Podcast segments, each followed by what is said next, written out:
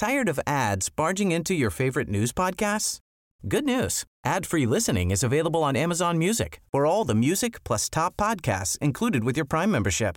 Stay up to date on everything newsworthy by downloading the Amazon Music app for free or go to amazon.com slash news ad free.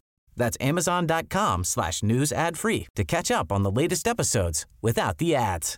Cool fact a crocodile can't stick out its tongue. Also, you can get health insurance for a month or just under a year in some states. United Healthcare short term insurance plans, underwritten by Golden Rule Insurance Company, offer flexible, budget friendly coverage for you. Learn more at uh1.com. Rätt upp i röva. Oh, Gud! Det är så starka intron i den här podden alltid.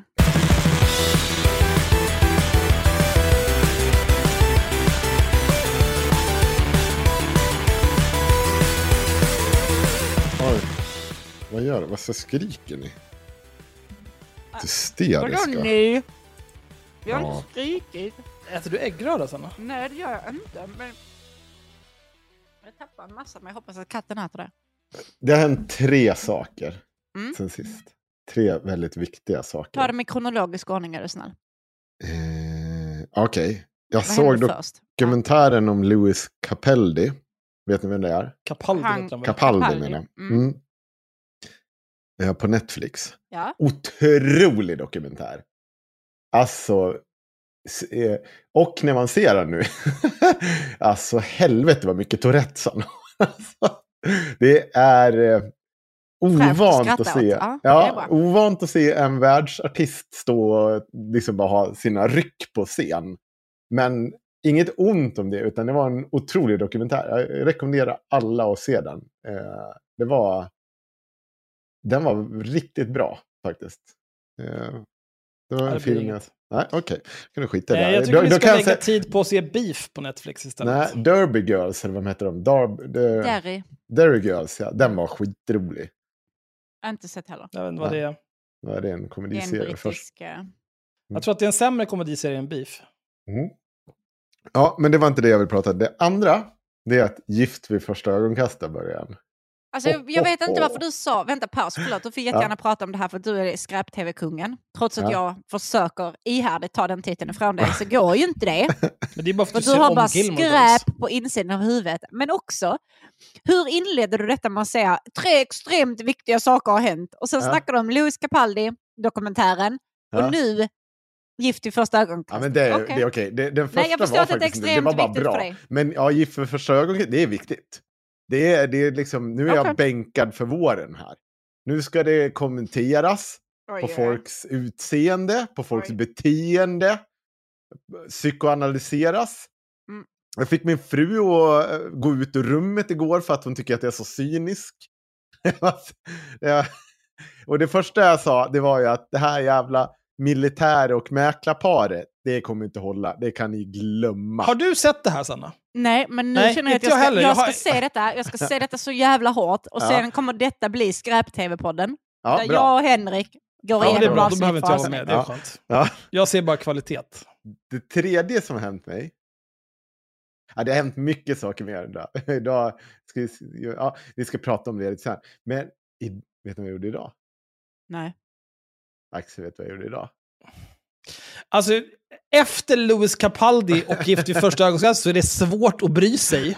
Alltså, jag har så många gissningar om vad du har gjort idag, men jag vet inte. Kör den då. Nej, men alltså, det, är sådana här tråkiga gissningar. Jag vill inte göra dem, men... Kör, men se vad du har gjort, Henrik. Jag bänkade 100 kilo utan något problem. Mm. Ja, det var ju i och för sig mer än 100 jag tänkte gissa på. kilo. Nu är det tresiffrigt, siffrigt Axel. Snart ska jag bara lära någon Ja, att... är det första ska, gången i livet du har gjort det? Nu, nu ska jag bara lära någon. Eller någon ska lära mig. Och vad heter det? Eh, vad heter det? Lyfta marklyft. Då ska jag Nu- ta ditt rekord där. Varför ska, du, varför ska någon lära dig det? Du, bara ta, du har ju Styrkelabbet-appen. Du, de har ju för fan videor i appen. Ja, men jag vill, jag vill inte, Och sen så, jag du det tittar, själv. men du tittar hur man ska göra. Ja. Och sen så lägger du på typ så här 10 kilo på varje sida så att det är 40 kilo. Mm, Och sen så, så tittar du hur man gör. mm. Och så är det typ så här tre steg. Men jag, jag tror att Och sen så spelar du in dig själv när du lyfter. Framifrån, bakifrån och från Ja. sidan. Och sen så tittar du. Och så tittar du, vad gör du för fel? Och sen kan du lägga upp videorna i, på Discord-chatten. Så kommer kan- folk berätta för dig vad du gör för fel. Och Ja, så, så eller gör på du rätt. Twitter. Ja, eller Så på kan- Twitter. Så kan Magnus Du- Norman komma och berätta. Det enda du behöver göra på. Twitter, det är ju så här, du lägger upp en video. Så här gör man ordentliga marklyft, så kommer du få en hel del tips. jag fick en hel del tips alldeles nyss när jag la upp videon när jag tog 100 kilo också. jag. Ja, folk slide in i DM. Va, Här får man inga varför känner du det så jävla onödigt att tipsa någon som uppenbarligen kan göra bänkpress utan att dö? Ja. Jag, jag får kukbilder, du får mansplaining. ja. Livet är ändå rättvist känner jag. Jag ja, hade nog ändå hellre tagit kukbilder ändå. Det, det känns som att nå... Alltså man vill ju inte slå någon på käften bara för att de skickar kuken. Nej. Ja, jag vet inte vad jag ska säga. Jag vill inte ha några tips. Jag kan, jag kan ta emot tips eh, i sommar när Street Fighter 6 kommer. Mm. Alltså jag hatar ju mansplaining. Alltså det, jag väljer ju unsolicited dick pics över mansplaining, men det betyder inte att jag vill ha unsolicited dick pics. Vi kan väl bara... Det lät kanske som en inbjudan nu tidigare, men Du- jag, vill, jag vill inte ha det i mina DMs, tack. Eh, Axel, du menar att Street Fight är alltså samma spel som har kommit nu i hundra år?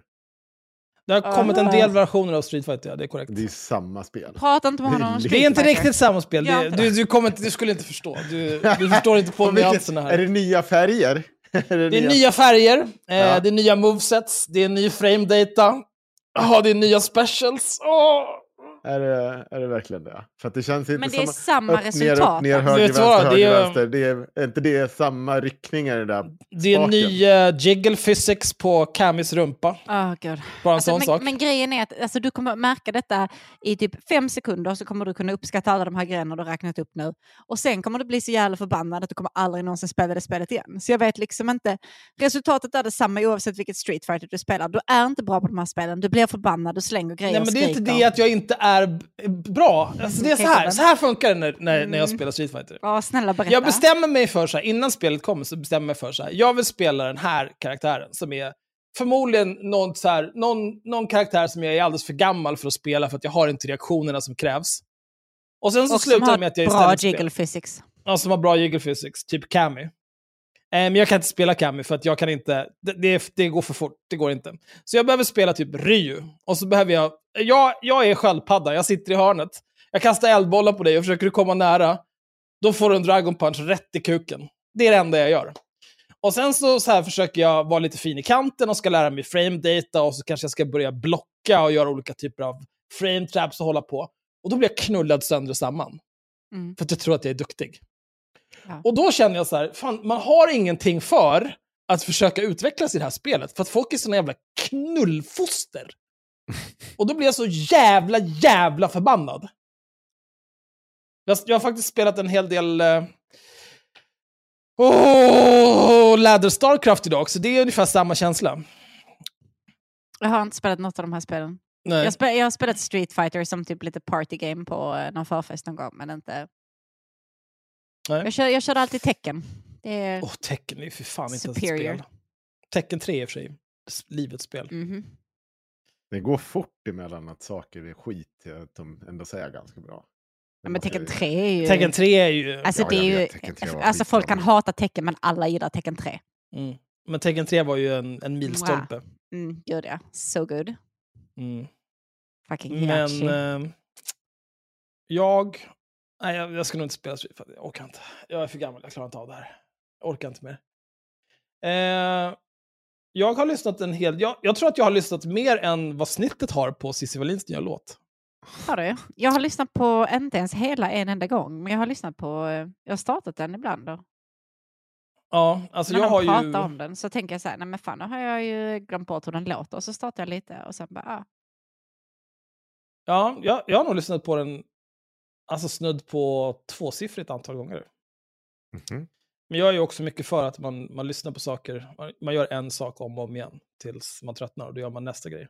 Men den är ju inte dålig heller. Alltså så, Nej, är jag fattar dålig. att eh, genren kanske inte är allas cup of tea, men jag menar, det är Problemet ju med en den, låt. Vad ska man det är säga? en låt ja, det är ju precis det som är problemet med den. Det finns inget exceptionellt. Det finns ingenting som är dåligt och det finns ingenting som är särskilt bra heller. Det är så här, det är en låt. Ja, Här kommer en låt. Men eh, Cissi är nöjd, för nu, har, nu är det nästan en månad Och sedan gud, det jag har inte sett eh, videon än. Nej. Den har jag inte gjort, den släpptes ju va? den är inte, det är inte en video. Alltså mitt liv är... Jag vet inte, jag är så himla upptagen grabbar. Åh. Men jag har inte sett, vad heter det, spelvideon? Musikvideon, Musikvideon. såklart, herregud. Alltså. Jag är ju för fan uppväxt med MTV och jag glömde bort vad musikvideo hette, alltså jag skäms ju. Alltså grejen är så här, du musikvideon, den är... Vänta, vänta, stopp. Va? Är du verkligen uppväxt med MTV? Det är Det är klart, klart det hon är. Det Hon kan är du för väl fan född i början på 90-talet. Ja. Va? Ja, fast du var väl inte... Du var ju typ en jävla kräla runt på sket på hälarna när MTV liksom gjorde sina sista suck. Eller? Fan, Nej, MTV, Nej, växte- jag kan MTV komma var en ihåg... grej hela 90-talet. Typ. Jag kan Fast komma ihåg jo. hela min uppväxt att det var liksom så här de här topp 10 klockan 10 med liksom alla de nya musikvideosarna och grejer och sen så eh, jag, alltså det slutade ju med musik i slutet av att jag tittade på MTV. Det håller jag ju med. Det är ju så Ja. Och jag blev ett stort det fan av Monster Trucks. Men, för att det Ja. gick ju på MTV. Men, eh, men jag har absolut tittat på MTV. Ja, ja, okej. Visst.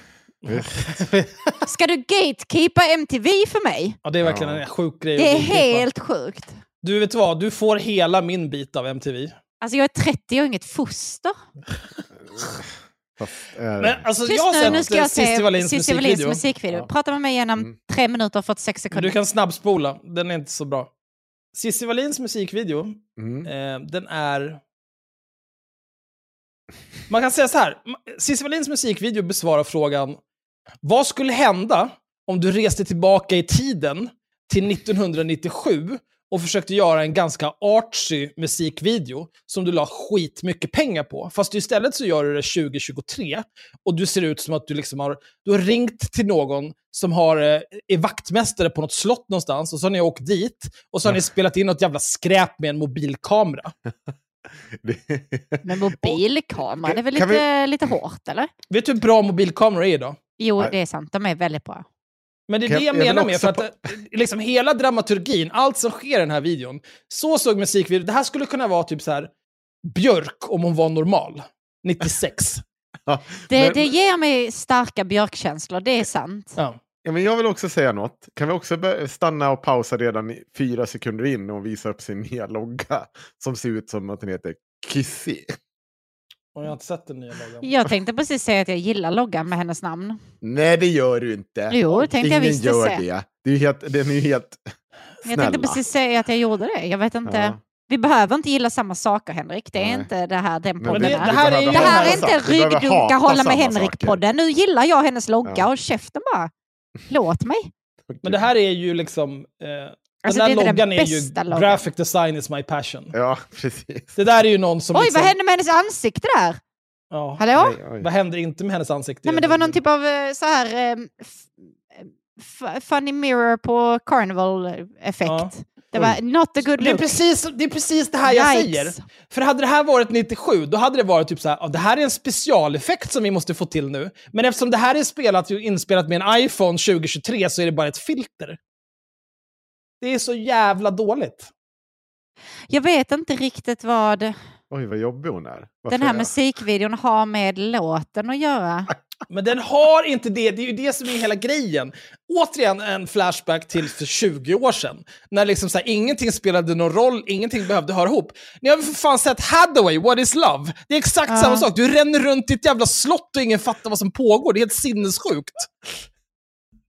Med skillnaden att Hathaway liksom förmodligen lever på de pengarna än idag. Och alla inblandade lever på de pengarna idag. Medan den här musikvideon släpptes för 11 dagar sedan och har 1700 visningar. Men vet ni vilken musikvideo som är riktigt bra eller? Nej. Nej. Ehm, Åh, nej. nej gud, ni behöver ge mig ett par minuter att komma på de här namnen. Alltså jag är ju tom inuti Varför är hjärnan. du dement? Nej men jag, jag är extremt stressad hela tiden. Jag vet inte. Låt Varför mig, har hon blod i mungipan? Ja, det kan man ju fråga sig själv. För att hon är en vampyr. Nej, men det här är inte... Och nu går hon bara tillbaka. Ja, okej. David Bowie och Mick Jagger. Va? Ja, skulle du säga något mer eller? Det är två artister. Ja, deras musikvideo. Eh, Jaha. Åh, varför hjälper ni mig ingenting För här? vi vet inte vad du yrar om. Men jag vet inte, gubbrock-Sanna kommer här liksom. Nej men alltså jag ska säga, jag ska säga, ah, alltså det här. Jag ska behöva en översättare, jag vet inte. Jag, alltså det, Dancing in the street, herregud, varför hjälper ni inte mig? Det är helt sinnessjukt. Jag vet eh, inte vad det är här ingen för minst låt. det här. Lovar att alla lyssnare sitter hemma och skriker för de vet vilken jävla låt detta var. David Bowie och Mick Jagger gjorde Dancing in the street. Bra fucking musikvideo. Fast det är också så jävla konstigt Men- smal referens. Och vad har det här med Hur är någonting det att en göra? smal referens? Det Har du är två sett Beastie världsartister. Men det är Ja. för fan, det är 30 Ja. år sedan. Ja, men och den här Dancing in... Vänta nu, Mick Jagger. Eh, David... oh, hur Okej, den kom upp ganska tidigt. Ja, jag säger ju det. Det är en Vänta. enorm Ja, alltså, låt. det är ju Sitt inte här och låtsas som att detta inte är en grej. Det är ju ingen så här indie-låt direkt, men det är ju 35 år sedan den kom. Det är Aha. kanske inte, det är kanske inte top of mind. Ja, men vadå, så är det samma sak när de nämner Bohemian Rhapsody? det är eller en... Nej men Queen är väl oändligt bättre än de där jävla kukarna, eller? en David Bowie? Snälla! I will du fight ens- you on vet du this. vad? Jag har sett David jag, Bowie live. alltså, jag skulle ju du komma till du conclusionen att du Queen är väl snäppet starkare, men Bowie är ju fan up there. Alltså, Ja, skojar han är du? okej. Han är okej. Alltså, jag kan inte ens prata med honom när han är så här. Nej. Helt orimliga. Kolla Men- jeansen Henrik, jag ser att du sitter och tittar på videon för du har ansiktsuttrycket av någon som precis har sett Jag som inte mår så bra. Ah, Någon som har sett ett par gubbar i för tajta jeans. Ja, De var ju inte ens gubbar när de gjorde detta. Det Nej, okej. det jo det var de. De är ju fan var... födda på 40-talet båda två. Ja, snälla. Nu får du lugna dig. De, de där var Ah. gubbar på 50-talet. Dancing in the street. Det enda som är bra med det där Dancing in the Streets, det är ju när det är någon som har gjort with eh, realistic sound. Och det Ja. helt Titt, förjävligt. titt, titt, titt, tappar de så med fötterna. Så det är skitbra Så jävla dumt. Men utöver att Cissi släppte en musikvideo, eh, det är så här, alltså jag, eh, jag tycker att det här går dåligt för Cissi. Tittar man på Cissis YouTube-kanal så har de 63 prenumeranter. Ja. Det är inte så bra. Nej. Nej, inte jämfört med David Bowie som har 1,56 miljoner. Nej, inte jämfört med Axel Öhman som har över 1000. Jag vet Varför, inte. varför har inte folk mullets längre? Folk, fler jag folk känner borde ha mullets. Alltså. Men varför skaffar Det- inte du en mallet då? Kan vi försöka hålla oss till ämnet i två sekunder? Jag vill höra klart Ah, det här resonemanget. Alltså hans inte jumpsuit och hans lilla Men det, är ju, trenchcoat. det här är ju problemet med er två. Alltså jag, är, ju- jag har ju förmågan att fokusera. Nej, men Men så fort, man, det. så fort man viftar med någonting shiny framför ögonen på er två, då lallar ju de bara iväg. Nej, men man alltså, skulle ju David- kunna lura er in i er våldtäktsvan hur lätt som helst. Nej men alltså Bara David liksom, Bowie här, här, är titta! ju för god för den Kattguld! här världen. Följ kattguldet barn! Kom här!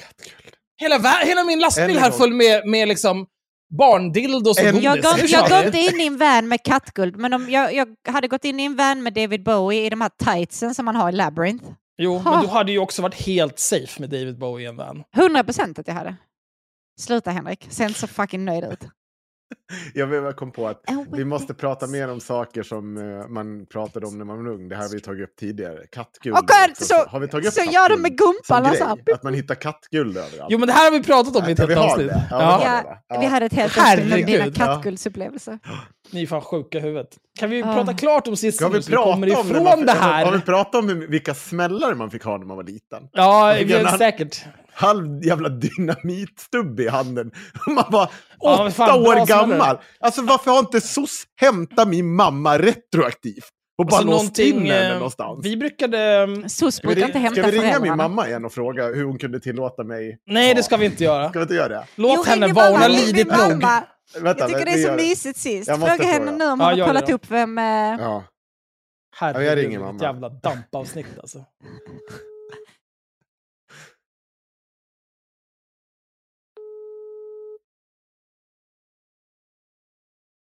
Hon vill inte svara dig.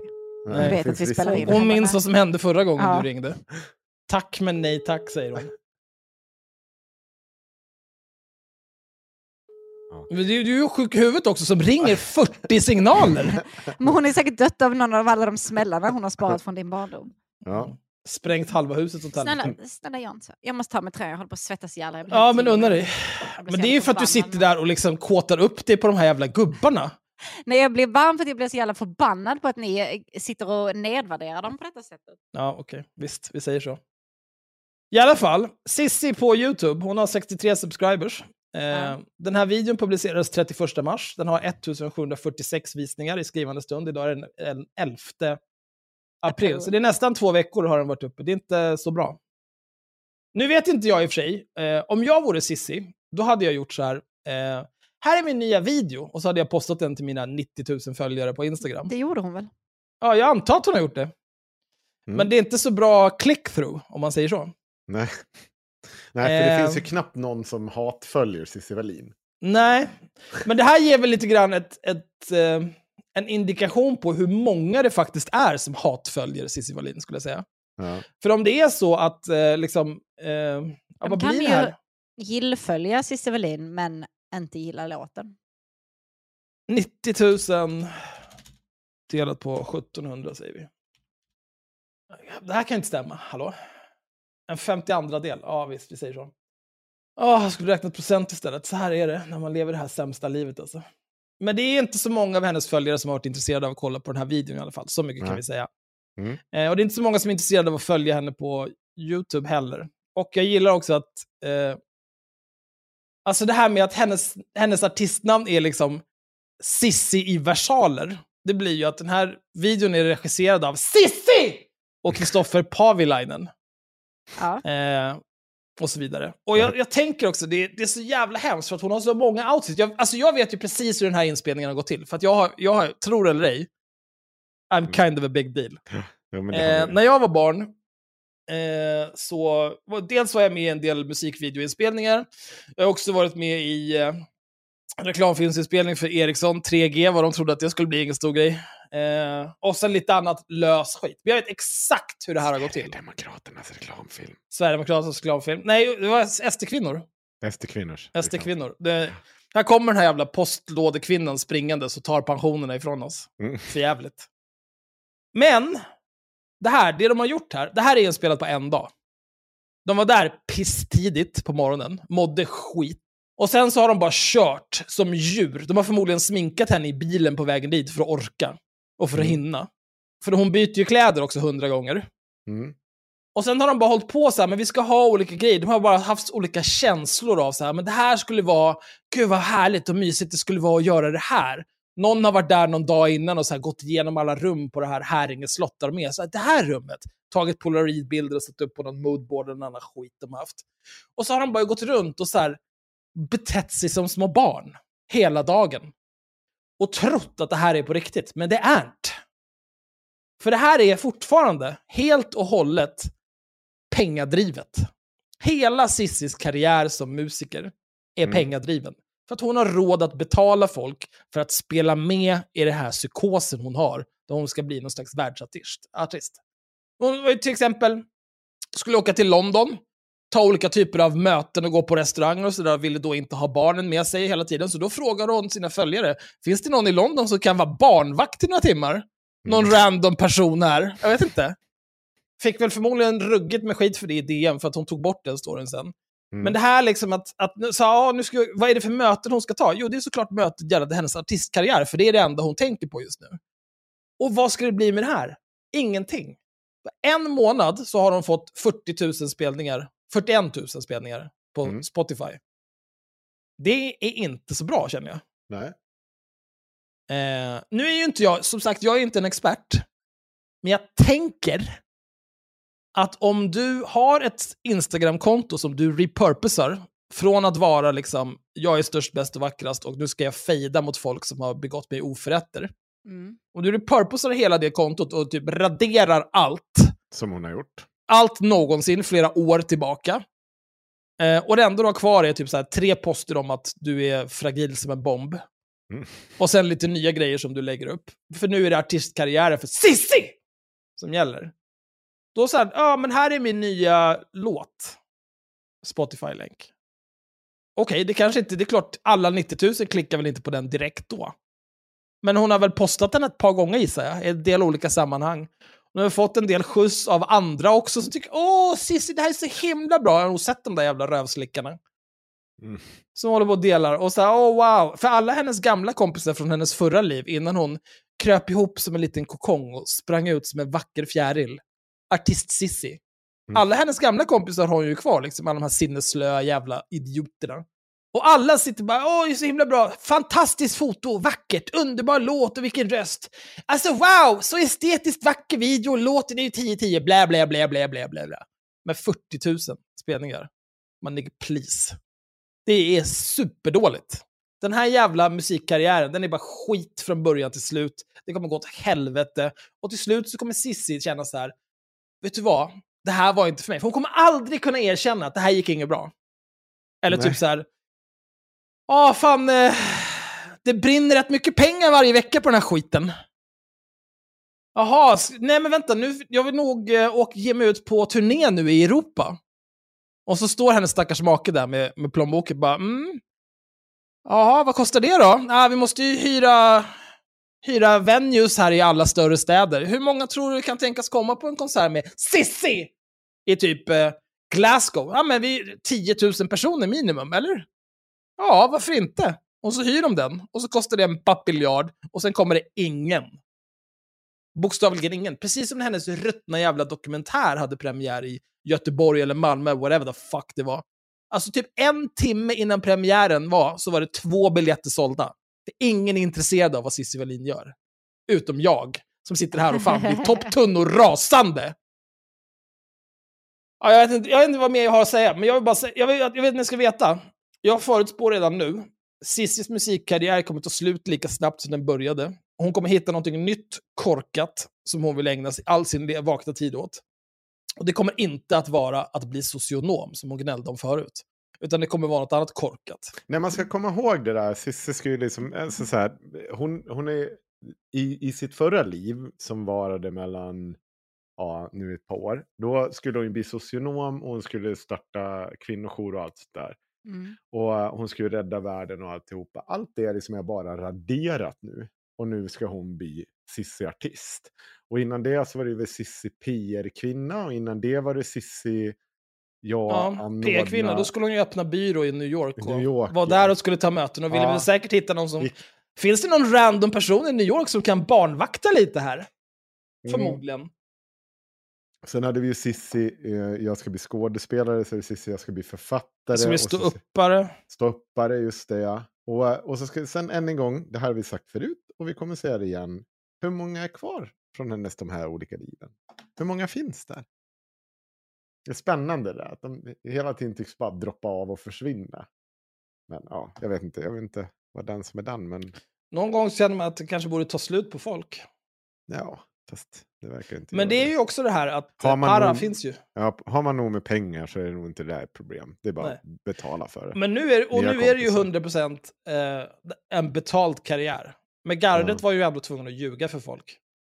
Ja, Men nu får ju alla bara pengar kastade på sig så fort de har några tveksamheter. ja. Jag hoppas de betalar skatt och arbetsgivaravgifter. Ja, vad tror du själv? Det tror jag. Alltså jag, tror jag. känner lite grann, fan låt henne spendera sina pengar. Det, Jo, det får man väl. Det, det är väl ingen som säger något om det. Men eh, alltså det är ju inte lika bra content för oss. Alltså det hade ju varit jättedåligt content om det här hade gått bra. Nu tycker jag ändå att det är... Nu, nu har man ju ändå skadeglädjesaspekten, för jag ska inte sticka under stol med att jag, jag tycker att det är helt otroligt fint att se det här, att det, hur dåligt det går. Jag sitter här och njuter. Lever Den mitt låt, bästa låten liv. är ju... Mm. Alltså grejen med det, man hör ju att den är bra producerat och allt sånt där. Men, och hon har ju en bra röst, det har jag aldrig, ska jag aldrig... Eh, det finns ju en... eh, hon har gjort en Alltså tidigare hon låt. kan ju hålla en ton. Det, är Ja, ju, Det finns en alltså, tidigare det låt. finns ju ändå folk som sjunger betydligt värre som har försökt starta sådana här betalkarriärer. Där Ja, och lyckas betydligt bättre också. Alltså. Victoria Silvstedt. Rebecca Black, Ja. It's Ja. Friday. Har du Men sett att liksom- hon försöker bli karriär... Ja, ja. Alltså, om man tittar på Sverige, när jag Ja. växte upp, då hade vi ju eh, Hanna och Magdalena Graf ja. och Victoria Silvstedt. Mm. De var ju skitstora. Vad med? Men katten är störd. Katten bara attackerade. Han ger mig en liten kram Ja, gjorde han verkligen det? Ja. Eh, det såg ut, jag tyckte det såg ut som ett övergrepp, ja, men okej. Okay. Nej, kom. Nej. Ja, ja. Den där är ju inte, den kramar inte dig, den vill ju döda dig. Nej. Nej, okej. Okay. Jag ser det han vill bara pussas. Ja. Mm. Sluta tro att du kan allting om katter. Henrik är ju kattuppfödare nu, kan en hel del. En hel del. Men okej, ja. I mitt tidigare liv då var jag...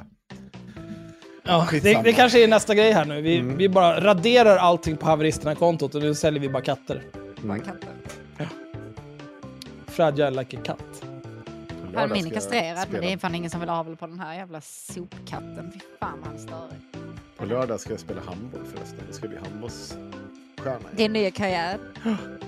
Bli så kul. jävla roligt. Ska jag lägga ut en film på eh, Twitter så att Magnus Norman kan berätta hur dålig jag är. Åh, det är så himla sorgligt och kränkt du är över att han inte Ja. tycker om dig. Ringer mig och gråter mitt i natten och bara varför tycker inte Magnus om mig? Du, Eller ja, det är så det går till i hans huvud i alla fall. Men, han var så jävla... Tänk, eh, mannen som absolut inte lyssnar på vår podd. Du, kommer du ihåg Axel vad du sa förra gången? Jag tror att du sa, du sa det i slutet. Där, så här, ja, eh, fem minuter efter att vi publicerar det här så kommer liksom det Ja, bara men 100%. explodera. Vad, vad tog det? Fem minuter sen bara... Ja, men det är ju det är ju- det lite grann som, som Sillen, är ju också en sån person. jag har glömt bort Så- vem sillen är. Jag, Ja, fa- men jag vet du- att det är ett av våra kodord för någon. Ja, det är han Det- som det- försökte... Du får bli det där. Ja. Du får blipa jo, det. du hade Magnus. bara kunnat... Ja, jo, Ja. okej. Så det var bättre med sillen. Jag, jag tyckte jag var lite kvicktänkt där. liksom. Ja. Ja, du får blipa det där också, Ja. Magnus. Blipa Men, men, varje gång. ja. Vet ni, jag gjorde så... Men snälla! Blipa det också Magnus. Åh gud, ni är så jävla jobbiga. Ja, vi jobbar mot Magnus, men det är okej. Ja. Ja. Nej, men, alltså, båda de där är ju alltså, så jävla speciella. Och just det, det jag tycker är så fjantigt, det är så här, de får jättegärna, eh, Magnus Norman till exempel, vars barn skäms över honom. Han vill att vi ska spela in tillsammans med honom, att vi ska alla vara på samma ställe. Ska vi göra Men det är ju det här som är psykosen med honom. För det här otroliga huvudrollsinnehavarsyndromet han lider av. Ja, men sa Varför? ja. I, vilken, men i vilken värld är Magnus Norman, vars barn skäms över honom, så men- intressant att liksom... Du, Henrik ska åka från Dalarna till Stockholm, Sanna ska åka Jag från Trelleborg till Stockholm. Du Jag är sa ja. efterbliven. Och vi ska hyra någon typ av studio där vi ska spela in tillsammans med den här hjärndöda jävla idioten. Jag Varför ja. då? Vad ska hända då? Ja, ja men för, låt han bara gå loss. Det är Ja, men det, men det, kom, det kommer vara kul i en kvart, men sen så händer inget mer. Sen går han bara på repeat. Ja. Du har väl sett hur han håller på nu och skriver? Nu har han ju hittat en grej som han vill prata om. Som Ja. han tror är någon typ av gotcha. Då maler han på med den hela, hela, Ja, hela, men hela, låt hela han tiden. göra det. Jo, men sen så slutar han och så byter han till nästa grej. Och det är Ja. liksom, ingenting av det har någonting, no, har någonting med verkligheten att göra, utan det är bara hans olika vanföreställningar. Ja, men För att han är sjuk Vi gör det här tillsammans nu. Det blir en kul, det blir en Det studieresa. kommer inte bli kul. Alltså, det, det fin- det finns extremt få, få grejer som får mig att... Eh, inte medvetet... Vänta, jag har fått en stroke igen. Hjälp mig. Frivilligt. Att frivilligt sätta min fot i Stockholm och att podda med Magnus är inte en av dem. Jag, vi- ju, jag, jag för- föreslog ju där, dock där att kan, kan hon som bor 50 mil från Stockholm få ett pass och vara med på länk? Nej, försöker du banga nu? Försöker du banga nu? Det- men det är precis försöker du det här jag banga menar. nu? Försöker du banga nu? Ah, Så jag bara, nej, alltså, nej, så Magnus, nej. Magnus, Magnus, nej, sa jag. Det är inte så att jag försöker banga. Jag försöker vara lite resonabel här för att vi ska kunna passa ihop våra scheman. Vi är ändå så fyra personer. En bor 50 mil bort. En har köravstånd. Två bor i Stockholm. Det här går ju lite lättare om vi är lite flexibla. Se till att vi jobbar tillsammans. Nej, nu försöker du banga. Jag, jag hör inte riktigt att jag försöker banga, för jag säger nämligen så här. För att få ihop det här snabbare skulle den som bor... Nej, okej, nej, okej jag försöker banga. Jag förstår. Jag Nej, men förstår. det, det är ju också det som är grejen. Ja. Eh, för liksom, det är så här. Först, jag skummade bara den där, men Mm. mitt intryck var så här. Du är för feg för ditten, datten, pappen, pappen. Ja, Ja. nej, men vi kan göra det här så här. Mm. Ja, du ska... Se till att de andra två är med också. För det kommer hela tiden nya krav. Ja, Så här, man går med på en sak, då kommer nästa krav. ja. Och nästa, och nästa. Det är ju han som inte vill spela in. Men Sen håller han på men- med det här. Men vi gör det nu. Men sen håller han på med bara, vi ska, vi ska ses i samma rum, vi ska Ja, ses... inga som helst problem. Det är bara en massa snack. För att han vet hur jävla jobbigt det är att ordna. För att han ska komma undan. Jo, jag vet det. Men vi Men ska det så, göra jag det. blir så För provocerad, att det är så jag älskar när folk gör så. Vad gjorde jag sist när någon gjorde? Jo, jag åkte hem till dem. Jag åkte hem till Aron Flam, så satt jag där i hans jävla källare. Ja. Ja, men alltså, jag kan förstå att man gör det med Aron Flam, för det är ändå så här, det är ändå en pajas som andra människor vet vilken typ av pajas det är. Jo, men det, vi är ju inte kända för att de som bangar för att det är kreti och pleti. Kommer du ihåg när vi satt med de här nazisterna en Jo, natt men- och var fulla? Men var vi tvungna att möta upp de dumma horungarna eller? Nej, utan vi kunde göra det via Zencast som normala människor. Det var ingen Ja. som behövde resa någonstans. Utan Ja. man satte sig vid sin dator så spelade vi in bara. Ja. Det är Jo, Alltså fördelen med att träffas i person är ju att man inte kan göra en Therese Vardan och lämna efter 46.05. Det kan man ju. Ja, man jo, ju men det blir ju lite mer... Kommer du, kommer du inte ihåg när Alexander Bard inte fick säga och sprang ut grinandes ur... Ja, det var fan, det får man Ja. ändå ge. Vad fan heter han? eh, eh, Ja, han Den ju, svarta tråden. ja, precis. Jag har förträngt vad han heter. Ja. Skitsamma. Det är sjukt att ni mobbar mig för att jag glömmer bort ord och sen sitter ni här. Ja, men han... Hade han haft ett svenskt namn hade jag kommit ihåg det. Ja. Ja. Han i alla fall. Abdirizak, heter han inte så? Abdi. Ab, abdi, abdi. Ja, skitsamma. skitsamma. Men jag, jag, vill, jag bara snabbt ta en grej. För att för Mange varit väldigt förbannad på mig. Och huvudsaken är att, och jag ska ta det här nu. Jag gör inte det här, jag gör det för att, jag gör det för dig nu. Magnus. Hur kan vi bara ha spelat in i 37 minuter? Det känns som att vi har suttit i tre timmar. Mm. Nej, men eh, för att det har varit helt unhinged. Ja. Det har varit helt unhinged. Nej, men det, det, är för att jag, det är för att jag pratade så mycket om Street Fighter 6. Och fick Vietnam-flashbacks från när jag har spelat eh, Street Fighter 4 Ja, vi och hade 5. också en lång sidebar där ett tag med Ja. Mick det är Jagger så jävla mycket som händer. Fan, kanske skulle ha ett litet glas whisky. Det skulle vara något. Men Det, det är fan inte, det är träning imorgon. Ska vi ta 110 i bänk. Ja, det kommer nog jättemycket. Eh, nu ska vi se. Alltså jag, jag tar inte bänk. För jag kan inte det. Ja, han är ju... Ja, just Men det. jag slår vad med att jag tar max 20 kilo. Max. Magnus, Ja, det är väl okej. Nej. jag vill bara ha det här sagt, för att det här är för Magnus skull. Han, Ja. han är ju väldigt... ehm, eh, det han varit arg... Oh, Gud, han är så jävla arg. Det är så jävla mycket skit. Eh, Får jag, får jag bara, medan du letar Ja. här. Jag vill, jag vill bara återigen, eh, jag pratade ju med honom för Ja. ändå Du behöver inte räcka upp handen. Ja. Det finns Det på finns- YouTube och allt sånt. Jag kan länka det i avsnittsbeskrivningen. Men då sa jag till honom så här. Vet du vad Magnus? Vi kan göra så här. Du pratar aldrig mer om oss och så pratar vi aldrig mer om dig. Och så behöver vi liksom inte, det här behöver inte vara en grej.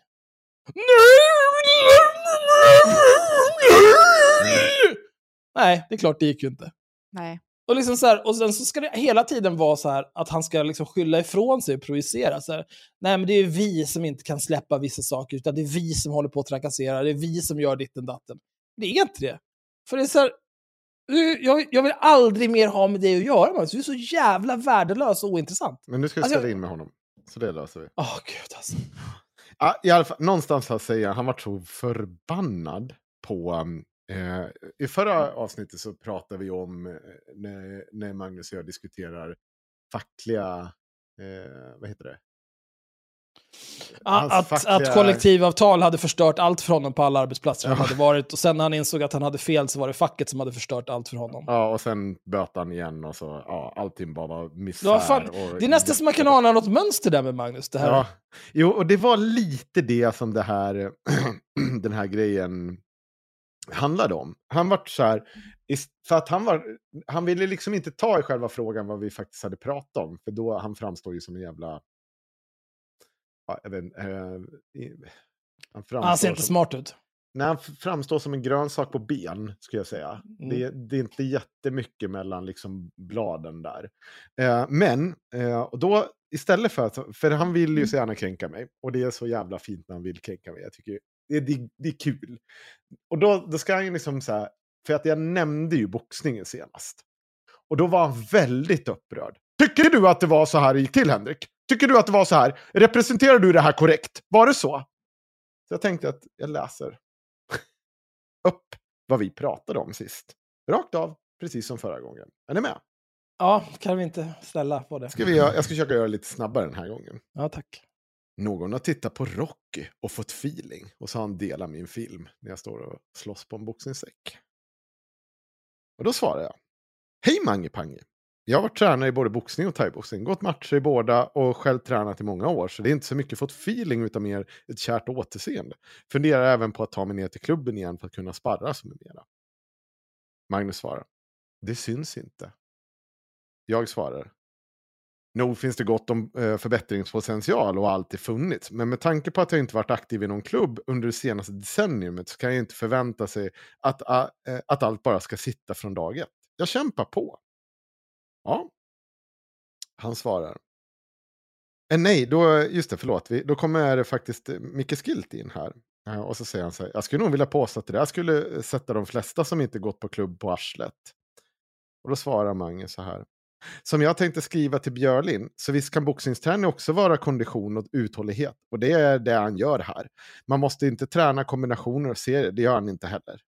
Då svarar jag, det är tio ronder på säck. Alla ronder handlar inte om kombinationer. För övrigt så brukar man ofta träna serier på mitts, då till exempel en uppercut inte går att sätta på en rak säck ordentligt. Ni förstår kanske principen, att ska man sätta en uppercut så är det ju svårt att slå på en säck.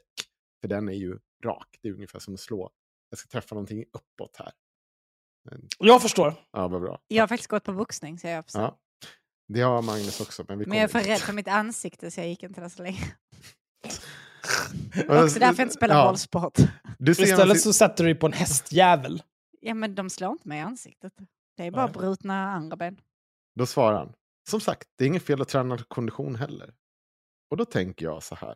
Jag vet ju vad egentligen det här handlar om. Det handlar ju inte om något här att han är någon duktig boxningstränare som kommer här och ska... Han vill ju bara försöka kränka mig. Och då är det roligt, för då vet man att nu kan man snurra in Magnus här i ett hörn. Så jag sa så här, okej, men vi vänder på det. Så frågar jag dig så här. Förutom att jag inte körde långa serier i filmsnutten, vad anser du behöver rättas till i min teknik? Åh, kränkt du Henrik! Ja. Som sagt, så är det inget fel att träna kondition eh, med boxning. Boxning är jobbigt. Ja, Okej, ja, det har du ju rätt i. ja, ja. ja, men vi försöker igen. Jo, men du hade ju också, sa jag, åsikter om min teknik. Och, du tänkte, eh, och, du, och då tänker jag att du kan väl dela med dig lite av hur du tänker. Och då svarar han, vad, vad då? Jag skrev ju att du inte tränar teknik eller serier, utan kondition. Eh, och då svarar jag med en skärmdump där jag visar att han eh, eh, förklarar att det syns att jag inte har någon teknik och att eh, du har, jag har rätt i att jag inte har någon teknik och bla bla bla. Och då tänker jag att än en gång Magnus, du som kan allt det här nu då. Nu har du en chans att sätta mig på plats. Så vad tänker du att jag behöver förbättra när jag slår på säcken? Jag kan börja. Ser du min vänstergard? Notera hur jag blandar mellan att svaja den och att den sjunker. Det är inte bra om man inte vill ha smäll mitt på plytet. Och vänstern här är främre gard. Filmen med frontkamera är som sagt spegelvänd. Då svarar Magnus så här. Fortsätt gärna visa hur butthurt du är. Du började visst grina ändå. Va? Va? Är det? Jag vet inte riktigt. Är det det jag gör här?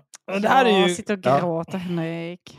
det här är ju klassiskt Magnus Norman, Ja. vars barn skäms över honom. Det är ju för att han, han, ja, han vet ju nu att han har gjort bort sig. Ja. Han vet att han inte kommer komma loss ur det här. Så Nej. då liksom... Då går han upp i känslomässig falsett. Ja. Och håller på på det här viset. Och ska vara ett truligt litet barn. Och då, då tänker jag så här, men vet du vad, vi behöver, jag tycker jag, min poäng här har framgått. Så jag skriver, ha ha ha, ja, jo, du har såklart rätt Mange. Ja, det togs emot väl kan jag tänka mig. Ena sekunden så är ditt försvar som är helt legitimt att du är trött eftersom kraften är slut. Sen förväntar du att du vill ha beröm och att du tycker att du är så duktig ändå. Var det, var det någonstans har jag sagt, vad pratar du om din kompletta galning? Fortsätter. Det är roligt med dig Henrik. Du sprider mycket skit omkring dig, men blir butthurt när du blir mikroskop, när du får mikroskopiskt tillbaka. En skvallertacka som du får allt tåla. Att du är så, torka tårarna. Alltså han är så jävla... Det är, det är verkligen så, så... Jag vet inte, det är... det är någonting magiskt i att peta i den där myrstacken. Det är liksom, man vet att jag, allt jag behöver göra det är bara kasta in det där lilla barre och så bara ser man det bara, det bara går igång överallt. Och trådar på trådar om hur kränkt jag är. Och, och man bara, ja, gud vad, Ja. vad lite bra. Han bra. har, han har för övrigt pratat, hela påsken har han vaskat på att sitta och gnälla och gnälla och gnälla och gnälla över, vår, över vårt poddavsnitt. Och så bara skriver han mitt i det bara, Henrik älskar att prata om sig själv. Och jag bara, ja. Mm. Jag vet någon annan som älskar att prata om mig lika mycket som jag gör. Men Henrik, det där är ju kanske hans hobby. Han har kanske inte pengar nog att köpa sig en hel artistkarriär. Så det, detta är Nej. vad han har. Så kan det vara. Eh, men Mange, vi ska hitta det där datumet tillsammans. Ska vi spela in det här avsnittet. Jag tror att alla kommer uppskatta det. Så, så, ja, det blir bra. Nu har jag för övrigt läst ordagrant igen. Nu ska vi se hur lite han kommer balla ur över det här. Det är någonting jag på något sätt har fel representerat här. Det kommer Fel 100%. intonation någonstans. Ja, det är någonting jag har missat. Det är någonting. Och det kommer han gå i spinn på. Han för övrigt påstod att han inte hade sett och skrivit evighetstrådar om sitt... Han, han gillar inte när man kallar det sitt ex, eh, Loan Sundman, utan hans någonting, någonting. Eh, och han satt ju och skrev i flera år om henne på Twitter. var skrev helt sinnessjuka Ja. grejer. Och alla liksom har sett det så bara, ah, bevisar du om ett inlägg då? Bara, Nej, vet du vad? Det är typ så här 800 pers som har sett det. Det är liksom inte så här, det är inte en jävla ufo-sighting. Det var det här varje kväll i flera år. Alla såg det. Mm. Det är bara ingen som har brytt sig om att spara, för att du var ju galen. Det finns ju gott om folk som har sparat Ja, dumpar. sig. det. Men inte vi kanske. Nej, För en gångs skull, Nej. inte vi. men det, det finns ju också... Eh, det finns väl kanske en anledning till att han eh, kör en fågel Fenix med sina Twitterkonton. Det kan det göra, ja. Ja. Det Oj, kan oj, finnas. det här kontot brann upp på alla inlägg också. Vad konstigt. Här kommer jag med ett nytt konto. Pratar inte mer om det här tråkiga. Jag har gjort en Cissi Wallin här. Inga konstigheter. Eh, jag tänkte vi ska Ja. prata om Filippa Mannerheim. Vet ni vem det är? Nej, jag, jo jag har sett ja, henne det- på Twitter men jag har inte riktigt fattat vem hon är och varför och varför är ni är så bekant. jävla Jag, osams. eh, jag, jag, eftersom, eh, på grund av anledningar så har jag bestämt mig för att vara extremt good faith Aha, i min kritik, i min kommande kritik av Filippa Mannerheim. okej. Eh, så därför så tänkte jag att vi ska börja med att läsa en text av Filippa Mannerheim som är publicerad den 21 februari i år Aha. i eh, Vi lärare. Filippa Mannerheim är nämligen eh, gymnasielärare och hon Ja. skriver så här. F-gränsen sänker nivån i skolan. Svensk skola behöver återgå till ett verklighetsförankrat relativt betygssystem, skriver gymnasieläraren Filippa Mannerheim. Vi ska ha höga krav och förväntningar på eleverna, trumpetar våra politiker ut när den skarpa F-gränsen kommer på tal. Men i realiteten innebär F-gränsen faktiskt raka motsatsen. Den sänker nivån i skolan. Mhm. För istället för att fokusera på undervisningen tvingas lärare som dristar sig till att underkänna elever lägga tid, kraft och energi på otaliga EHT-möten, dokumentation, åtgärdsplaner, pedagogiska planeringar, anpassningar, möten med föräldrar och skolledningar. Det här är tid de kunde ha lagt på undervisningen. Och på grund av alla nivåsänkande extra anpassningar som lärare uppmanas att genomföra och på grund av processen att sätta E för att inte på grund av pressen att sätta E för att inte riskera enorma mängder merjobb i en redan stressad arbetssituation prånglas det idag ut mängder av snäll-en. När eleven väl blivit godkänd kan hon gå vidare, rakt in på avancerade, högskoleförberedande program där anpassningscirkusen börjar om på nytt eftersom nivån är alldeles för hög för eleven. Det är ett resursslöseri utan like. Det finns helt enkelt ingen realism i en skarp F-gräns som inte följs av reglerat extrastöd. Det finns ingen realism i en F-gräns på en skolmarknad där betyg förvandlats till konkurrensmedel. Det finns ingen realism i en F-gräns som följs av nivåsänkande anpassningar. Vilket syfte fyller ett F om lärare ändå bara uppmanas att sänka nivån genom lyssneläsning och alternativa examinationer? Men alltså, att det används som konkurrens. Ja, eller va? Ja, men det är ju, hon syftar väl på marknadsskolan. Att eh, Den. olika Jag typer av... I min värld finns inte det. Nej, i, i, min, i den bästa världen så skulle de inte finnas. Men där kör de ju att...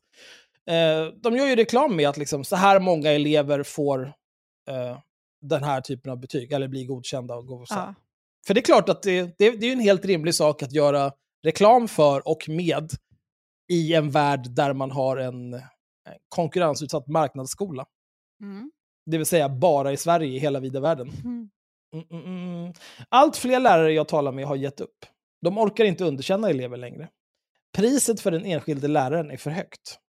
Ansvaret för att få den underkända eleven att kravla sig upp på något som kan likna ett E läggs på läraren. Här kan jag... Jag, jag är i stort på Filippas sida här. Men sen kan jag också känna så här, ansvaret för att få den underkända eleven att kravla sig upp på något som kan liknas ett E läggs på läraren. Vem annars? Ja. Vem annars bär ansvaret för att se till att elever lär sig saker i skolan? Eleven. Ja, jo, absolut. Men hon är ju gymnasielärare. Ja. Och jag känner så här, om, du inte, om folk inte får eh, handla en Power King på ICA utan att visa lägg, då kan vi liksom inte lägga hela, eller ens majoriteten av ansvaret för deras framtid på dem. Nej. Utan det, då kanske vi har liksom, eh, ja, inte vet jag, specialutbildade pedagoger med flerårig eh, högskoleutbildning som är där och ser till att det funkar. Eller? Hallå? Det är bara en tanke. Jag, Nej, men det är ju helt sjukt att du sitter här och tänker rimliga tankar. Axel. Ja, jag vet inte. Jag tycker att det är lite... Men vad har vi läst av Filippa Mannerheim tidigare? För vi har läst en artikel om henne och, av henne tidigare. Ja, nästan Det hundra kanske vi har. Jag har inget minne av det. För Eh, Varför låter det här namnet så jävla bekant för mig annars? Det är inte så att jag går runt och kan hela Sveriges lärare. jag, jag tror att vi har tagit upp henne tidigare jag, jag, i positiva ordalag. Ja, det är ju inte omöjligt. För att, alltså, Ja. som sagt, jag är i mångt och mycket positiv till det, den åsikt hon uttrycker här. Mm. Och jag förstår också att det hon menar med att ansvaret för att det här ska ske, att det hamnar på läraren, det hon pratade om tidigare är ju alla de här extra anpassningarna, allt det här merarbetet, all den här administrationen som läraren måste göra istället för att lägga den tiden på utbildning. Mm. Eh, men där, det handlar ju lite grann om att liksom... Alltså antingen så gör du jobbet i- preventivt eller så får du göra det liksom i efterhand. Mm. Om du inte gör du inte ett tillräckligt bra jobb, då måste du gå runt och rätta till det i efterhand. Liksom. Det är inte konstigt, det är som med allt annat i livet. Ja. Så att där, där blir det också lite grann att så här, men... Har ni sett Hancock? Ja, vi pratade om det här i förra avsnittet också tror jag.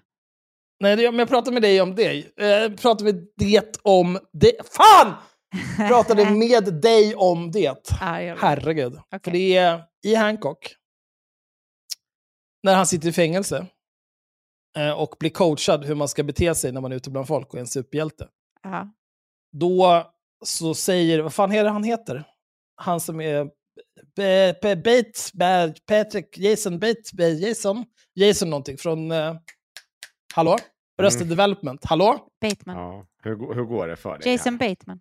Heter han Jason Bateman? Ja. Jason Bateman säger, han, han drar olika scenarion om att man ska gå runt och säga till folk att de har gjort ett bra jobb. För så här, det är en trevlig grej att säga. Och så drar han ett scenario om att så här, du har kommit dit, styrt upp alltihop och så står det en polis där borta och, och han har gjort ett bra jobb. Så du kanske ska tala om för honom att han har gjort ett bra jobb. Och då säger Hancock, if he had done a good job, why I gotta be there? Och det är lite grann samma sak här. Om du hade gjort ett bra jobb från första början, då behöver du inte ränna runt och fixa saker i efterhand. Nej.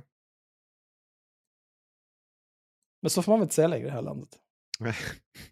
Det känns som att vi pratade om det här på den, men okej. Men Det kanske vi gjorde, men nu pratar vi om det en gång till. Då får det vara så. Trots att läraren redan har hållit kurserna i sin tjänstefördelning, undervisat eleverna, hållit sina lektioner, utfört sina åtaganden. Här också, utfört sina åtaganden. Vad är egentligen lärarens åtagande? Är det inte att lära eleverna? Om då läraren inte har lyckats lära eleven, why I gotta be there? Hallå? Mm. Ja, jag, jag väntar Ja. på ditt resonemang här. Nej, jag har Eh, inget resonemang. nej, här. Det, här, det här är när jag är välvillig gentemot Filippa. Ja. Ehm, trots att läraren redan har hållit kurserna i sin tjänstefördelning, undervisat eleverna, hållit sina lektioner, utfört sina åtaganden, avkrävs denne nu ännu mer arbete för varje F som sätts. Pressen att godkänna är enorm från alla håll. Från elever, föräldrar, kollegor, skolledningar och huvudmän. Lärare talar om F-skulden. Så korrumperas motvilligt en tjänstemannakår. Så vad skulle alternativet vara? Att godkänna alla rakt av? Det svensk skola behöver är att återgå till ett verklighetsförankrat, relativt betygssystem. Vi behöver införa bättre och sämre betyg igen, 1-5, där betygsstegen är kopplade till normalfördelningskurvan. Endast 7% av eleverna detta år får högsta betyg, 24% får näst högsta och så vidare. Detta ska gälla på riksnivå och normeras med centralprov för varje klass. I klasser med höga resultat på centralproven delas många höga betyg ut, och vice versa. Detta skulle stoppa den skriande betygsinflationen och även tydliggöra vilka styrkor och svagheter eleverna har, vilket ju är ett betygssystems egentliga funktion. Visst när Puttes mamma en dröm om att Putte ska bli läkare, men hans ettor och tvåor i svenska, matematik, fysik, kemi och biologi gör det tydligt att naturprogrammet kanske inte riktigt är Puttes grej i nuläget. Det får bli ett yrkesprogram istället, för Putte har ju faktiskt en fyra i slöjd. Det här kan jag känna är lite... ja, okej. Okay. Det är också så här, jag ser inte riktigt vad skillnaden är. Eh, så okej, okay, du har en massa ettor och tvåor, så du kan inte bli läkare. Ah, Okej, okay, du har en massa F, så du kan inte bli läkare. Jag vet inte, what's the big deal? Mm. Uh, det är möjligtvis jag, du kanske... jag, jag har glömt av vad den här artikeln handlar om. Jag sitter och kollar på mig själv när jag lyfter. Ja, men det är ju för Alltså att det var damp. gud! Ja, men fortsätt. Med dagens betygssystem hade Putte kommit in på naturprogrammet med sina framanpassade fusk-en. Och väl där tagit enorma resurser i anspråk eftersom han saknar förkunskaper för att klara utbildningen. F-gränsen är politikernas enhörningsskimrande vision om höga krav i skolan. Men den saknar verklighetsförankring, sänker nivån och urvattnar hela skolsystemet på resurser. Men vänta, översätts det inte till poäng längre? Jag har ingen aning, jag har inte gått gymnasiet Alltså ja, för du 30 måste ju ha vissa godkända kurser, ja, men sen så är det ju ändå så, det är bara ett visst antal som blir antagna och då går det ju på poäng. Och du får inte lika mycket poäng för ett E som du får för ett A. Nej, det måste finnas någonting i det där. Alltså det är väl inte bara... Annars så skulle det inte vara... Det är inte po- så att alla som har E i alla ämnen kommer in på läkarlinjen. Alltså inte ens alla som har A i alla ämnen kommer in på läkarlinjen. Nej, det måste ju vara gå omvandlat till någon typ av poängsystem. Annars kunde man ju bara haft godkänd och icke godkänd. Ja. Om allt är same same. Ja. men det här tycker hon i alla fall. Eh, och det här propagerar hon för. Och jag kan i mångt och mycket där hålla med om att eh, det kanske behövs någon typ av reform. Och framförallt det här kan jag instämma i att lärare ska inte hålla på så mycket med allt den här administrativa skiten omkring. Och kanske, ja. Hon har också propagerat för att vi ska ha mindre klasser och så vidare. Sådana saker. Och saker som är ganska vettiga. Men, men hon är också helt galen. Eh, Mhm. Just det, jag måste öppna allting i inkognito-fliken nu. Har du blivit blockerad? Eh, alltså, eh, det, det är ett starkt ord. Eh, vi kan börja med, du har helt rätt Henrik, jag är blockad av Filippa Mannerheim på Twitter. Eh, och det är för att hon den 21 juni 2022 så skrev hon, hon har, hon har nämligen en Twitter-following som är helt psykotisk. Mhm. Hon har nästan 18 000 följare och hennes följare är så jävla sjuka i huvudet och äckliga. Det är helt sinnessjukt. Mhm. Hon skriver så här den 21 juni 2022. Man ska inte ha gått nio år i svensk skola och blanda stora och små bokstäver när man skriver. Då har något gått rejält snett. 53 retweets, 13 citatretweets, 1159 likes. På, på liksom den mest banala kommentaren i världshistorien. Mm. Bara, det är bra när det är bra. Det är gott när det är gott. Det är kul när det är kul. Ja, okej, vad bra. Plus att hon skriver nio, siffran nio. Eh, när jag gick i skolan, eller inte när jag gick i skolan, när jag lärde Siffror mig... under 10 skriver man med bokstäver. Man nigger. Jag har också gått i skolan Eh. faktiskt. Ja, jag vet inte. Jag är ju... äh, äh, själv... äh, Hon, äh, Filippa Mannerheim har ju bara pluggat till lärare. Själv har jag ju läraren i generna. Men det är ju ingen stor grej. I alla fall, eh, då... Eh, ty jag, tyckte, jag såg det där och så tyckte jag att det var så otroligt banalt. Så då quote-retweetade jag henne och så drog jag det där genom mitt SpongeBob-skript. Eh, som randomiserar stora och små bokstäver i en textsträng som man ger till det. Och så publicerade jag bara liksom exakt samma sak som hon skrev, fast blandat stora och små bokstäver, lite huller om buller. Och då av någon anledning så svarade hon på det. Och så skrev hon, så fyndigt, spring iväg nu och lek. 94 likes. Och då, då vill jag också bara kommentera så här att hon har liksom suttit och gått igenom sina quote retweets. Över 50 stycken. För, vem fan gör det? Vem bryr sig? Och sen så ska hon kommentera det och så kommer det nästan 100 pers och bara “Bra sagt!” Eh, Du får inte då- klappa Axel, det är rasistiskt. Ja, jag får klappa. You cannot. Ehm, Det är Och då skrev att jag- jag inte får klappa händerna. Ja, men du får inte. Hade man sett Axel där så hade det inte varit rasistiskt, det hade mer varit funkofobiskt om jag skulle vilja... ja, det Jag där tror är att ju- jag ju tror att det räckte med att man hörde Mm. Axel så insåg man att det var funkofobiskt det han Ja. precis gjorde. För att jag gjorde min sälimitation. Men jag får inte lov att klappa händerna för då säger Axel att jag är rasist. Ja, Jaha. det säger jag ändå. Men då skrev jag tack, alltid en stor glädje att ta nytta av detta skript. Och så länkade jag bara till mitt lilla PowerShell-skript där. Och Mm. då blockade hon mig. Då Nej. kände jag, that's a, that's a bit weird. Och sen gick jag vidare med livet och har inte tänkt mer på det. Har, Men- har du verkligen inte det? Nej, alltså det...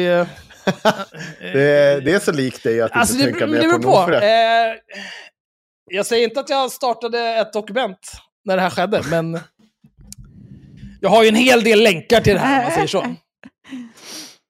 Och sen, ni, eh, ni kommer ihåg att vi pratade lite grann om det här med varför betygssystemet ser ut som det gör och varför det är dåligt. Sådär. Eh, Filippa Mannerheim är ju lite polemisk i sina ställningstaganden och uttalanden skulle man kunna säga. Här är en poll som hon gjorde på Twitter den 5 april 2023. Mm. Där finns det fyra alternativ. Och pollen är då, det vanligaste skälet till att elever får F, underkänt inom parentes, är bristande förkunskaper, eleven mår dåligt, eleven jobbar inte, parentes lat, slutparentes. Och sen sista är annat, parentes, säg vad, slutparentes. Och då är ju 54,8% av de 3219 människor som har röstat på det här har röstat på eleven jobbar inte, lat. eh, och det tycker jag att, eh, jag tycker inte att det här är så bra. Eh, jag känner så här, om du är lärare, då ska du inte sätta likhetstecken mellan en elev som inte jobbar och att den eleven är lat. Nej. Nej, det ska man nog Eh, För det kan liksom... Det har troligare med liksom, eh, eh, alltså motivationsproblem eller liksom... Hon har ju att eh, eleven mår dåligt och bristande förkunskaper. De finns ju med som alternativ. Mm. Men det kan ju vara liksom bristande motivation skulle jag säga är mycket troligare än att eleven är lat. Mm. Eh, och jag ser nog ja, helst att om du är lärare i gymnasieskolan så är du medveten om det. Och eh, man får också fundera lite grann på så här, om du är lärare i gymnasieskolan och du har 18 000 följare och du skriver den här typen av saker på internet. Har inte dina elever också Twitter och kan se det här och kanske känner så här, ja ah, okej, eh, min lärare tycker att jag är lat för att jag, hon gav mig F. Mm. Och så kanske det handlar om någonting helt annat. Då kan jag känna lite grann, why I gotta be there? Mm. Varför måste jag plocka upp all den här slacken för att Filippa Mannerheim inte klarar av att motivera sina elever? Men vi har bara börjat. Nu ska vi gå in på Filippa ordentligt. Ja, Och det här, Det här är valde, det här valde hon själv när hon blockade mig. Hade hon inte blockat mig, Jag sa ju det! Jag sa Ja, men- ju att det... Jag sa exakt det jag sa. Ibland då känner jag att våra konflikter är bra jävla onödiga. Alltså. Nej, men grejen det är här så här. känns inte som en grej som hade behövt leda till en konflikt. nej men det var inte en konflikt. Jag är ju inte inblandad i den här konflikten egentligen. och- Det är nej. bara det att vi kommer inte bli det nu då. Nej men så här. Om jag ser en person, en person som har valt, av egen fri vilja, valt att bli min fiende. Mm. Och så ser jag att den personen beter sig illa mot någon annan. Undrar om det var så hon tänkte när hon bara så här, åh gud, det här var en jobbig jävel, den blockerar jag. Mm.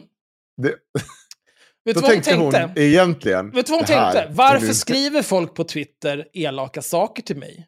Ja, Och så var ett av alternativen, för att de är dumma inuti huvudet. Ja. Och så tänkte hon att jag var en sån, och så blockade hon mig. Och Mm. därför ska hon få lära sig idag Mm. att så gör man inte. Nej. Magnus Norman, vi behöver dig här. Vi behöver byta ut din Axel, för du är uppenbart mer sansad än honom i vissa lägen. Men okej, fortsätt Magnus. Eller oj, Magnus, nej, jag menar Axel. Tack. Eh, här har hänt en del saker. Ja. Eh, Felicia Jackson, som jag faktiskt inte visste vem det var förrän det här skedde. Upp komiker va? ja, hon gör en podd för, eh, med någon annan som jag har glömt vad de heter, för underproduktion. Som är, ni vet, Kringel, Kringelkrokens Ja. produktionsbolag. Det har jag fan inte sett på länge alltså. Nej, nej. Ja, bara nej fortsätt. it's a shame. It's a Mm. shame.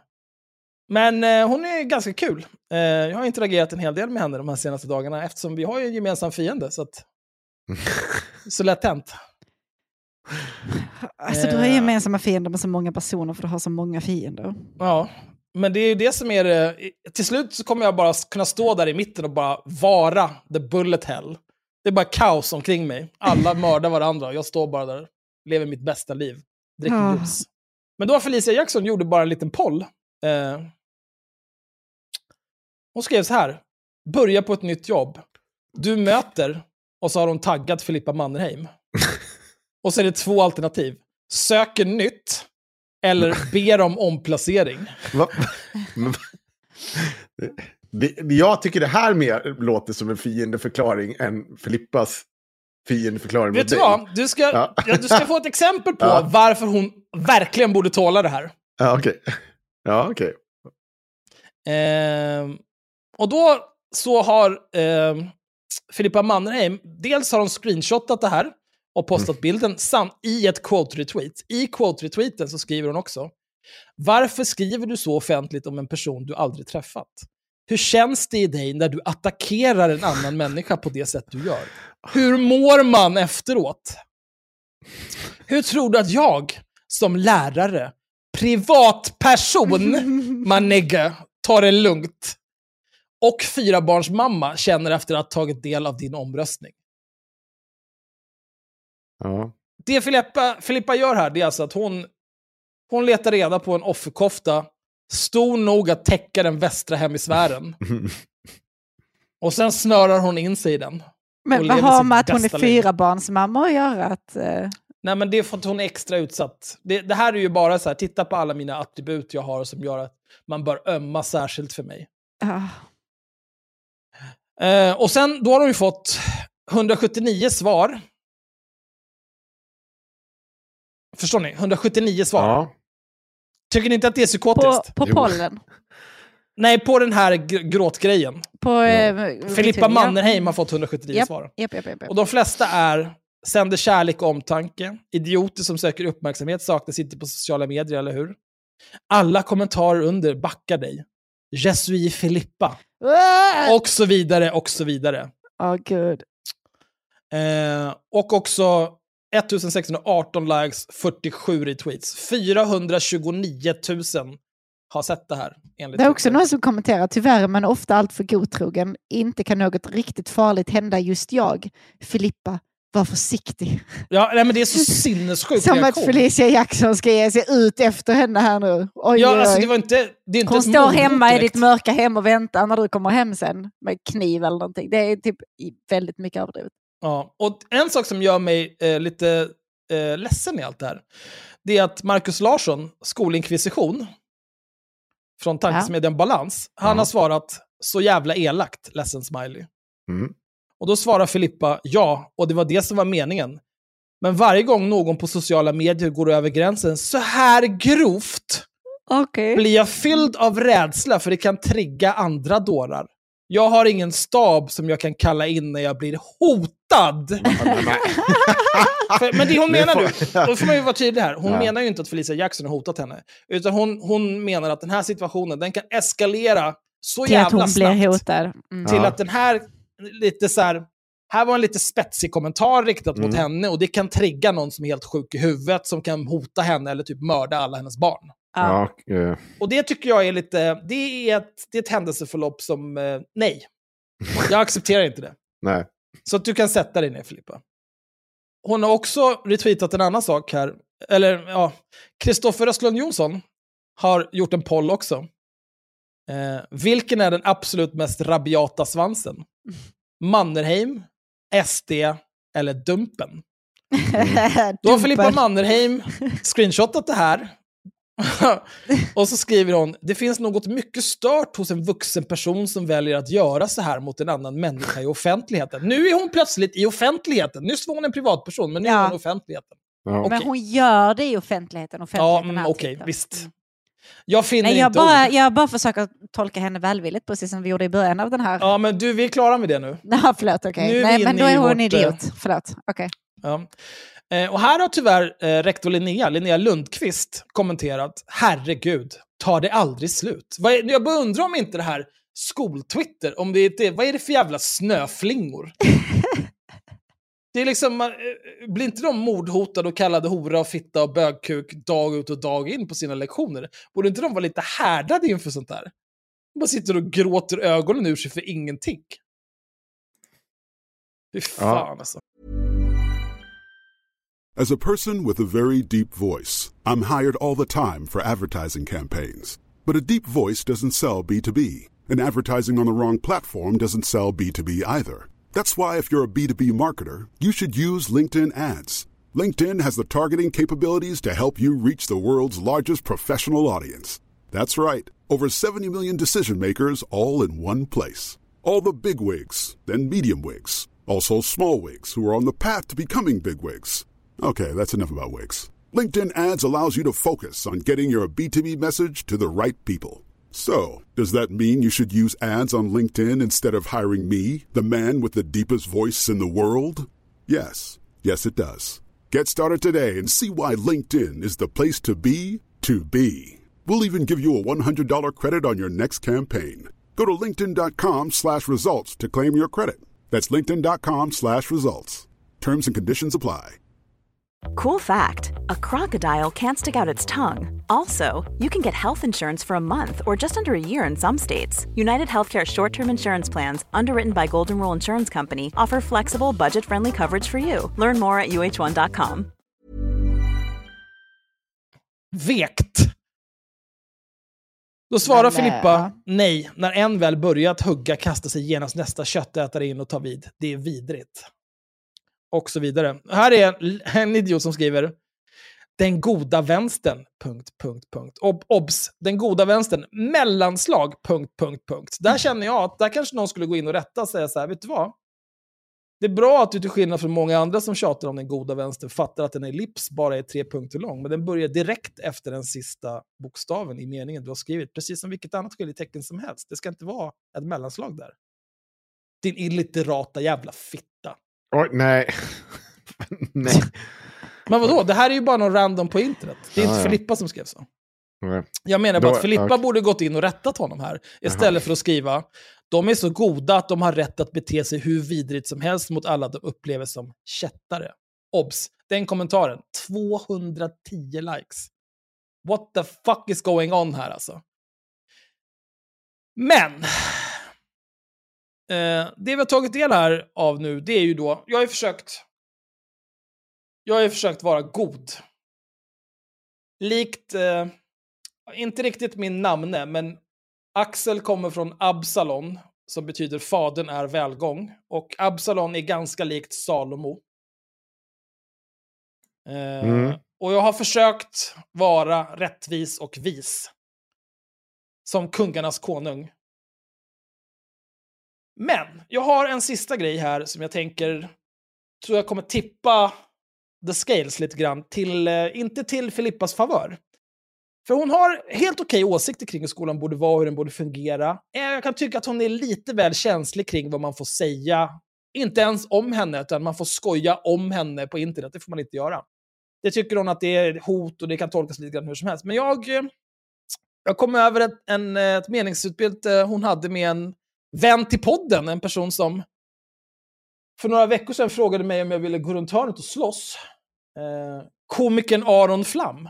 Mm. Han skrev nämligen den 17 juni 2022, eh, nu kör vi allt vad kunskap och merit heter i papperskorgen. Och så länkade han till en eh, text i DN där skolministern öppnar för att skrota F-betygen. Nu öppnar regeringen för att förändra systemet där betyget F enligt många stänger ut elever från skolan.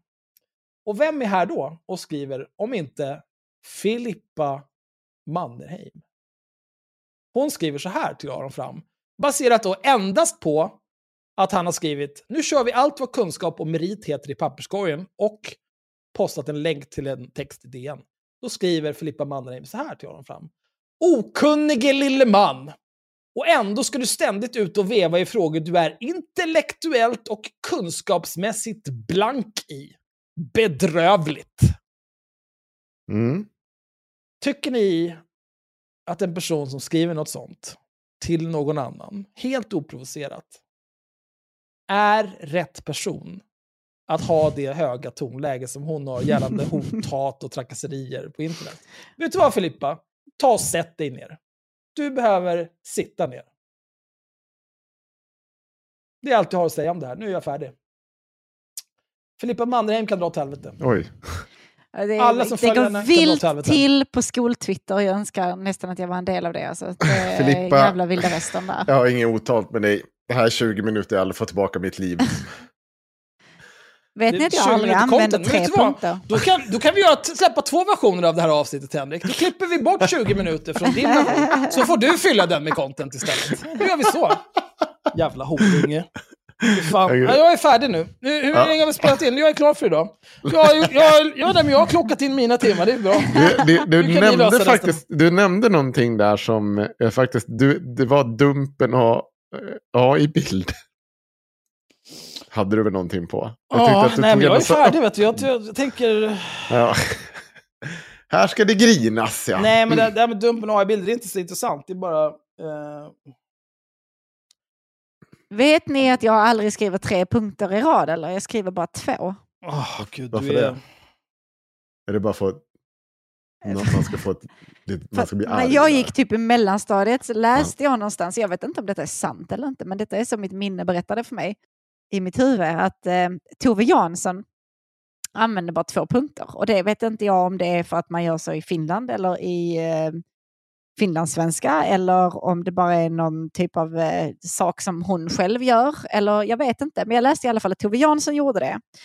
Ehm, och därför så började jag göra det i mellanstadiet och vägrade använda tre punkter som en ellips, utan använda bara två. Mm. Ja, det är ju fel. Eh, ja, men jag har gjort det sedan dess. 20 Grejen år, är så här, going strong. Sanna, när du säger till mig att du skriver två punkter när du försöker skriva en ellips, då vill jag att du ska veta att jag har liksom ingen stab som kan hjälpa mig när jag blir hotad på det här viset. men- Men jag vill att du ska veta att det är ett medvetet val jag gör varje gång. Jag vet om att det ska Ja. vara tre punkter. Men Då jag så, har envist sedan femte klass sagt nej tack och bara använt två. Ja. Trots Nej, är- att på varenda svenska uppgift jag har lämnat in där jag har använt en ellips eller min variant så har jag fått en röd markering under att det här är inte som man skriver. Och jag har sagt fuck you, fuck this, I'm out. Det är ett stilistiskt val. Det är ett stilistiskt val jag har gjort. Nu är det så. Eh, ja, så om någon kan hitta något som backar att Tove Jansson faktiskt skulle skriva så, så hade det varit fint. Eh, men annars är det någonting jag har hittat på och sen bara gjort i 20 år utan någon anledning. Då är det inte ett stilistiskt val, då är det bara en vanföreställning. Ja, men precis. Vänta. Det är inte så bra. Jag fastnade faktiskt mi- mitt under din rant där. Så uh, Chang Frick försöker göra en ny sån här reklamfilm för sitt uh, elkraftbolag. Och som man ska få andra att och, och twittra om och rasa om. Mhm. Ja, det är inte är- mer än så. Jag tänker inte berätta mer än det. Jo, det kommer jag. Eh, nej, men det, det är bara att någon åker, och han åker hans raggarbil när han har reklam för sitt elkraftbolag på. Så ehm, skjuter, skjuter de från baksätet med ett jaktgevär. Jag tror att det är en fejkad avfyrning eller bara så här för att du får inte göra så där. Och så ska de göra det för att folk ska rasa mot honom och så ska de sprida den här filmen och visa. Och så ska visa alla upp kärnkraft. eh, grejen, loggan där. Ja. Alltså, Ja. nu tog jag den första Tove Jansson-boken jag hittade i bokhyllan. För jag är trots allt finsk, så jag har ett par. och det andra sidan jag slår upp så hittar jag inte bara en utan två ellipser. Med tre punkter i. Men du, Eller Japp, mitt liv är Så lögn. Ja, precis. Varför är jag så här? Ja. Jag är envis till ingen nytta för någon. det här är ett av dina många Jansson. toxiska traits. Nu sitter jag, ja men verkligen, nu sitter jag här och kollar liksom om den är typ översatt av någon eller du vet att den är gjord av någon. Men det här är ju liksom en skitgammal bok. Det här är någon typ av originalutgåva. På finska. Kolla, fucking ellipse till. Vad är det som händer? En till! Hon gör dem Hur hela mår du? tiden!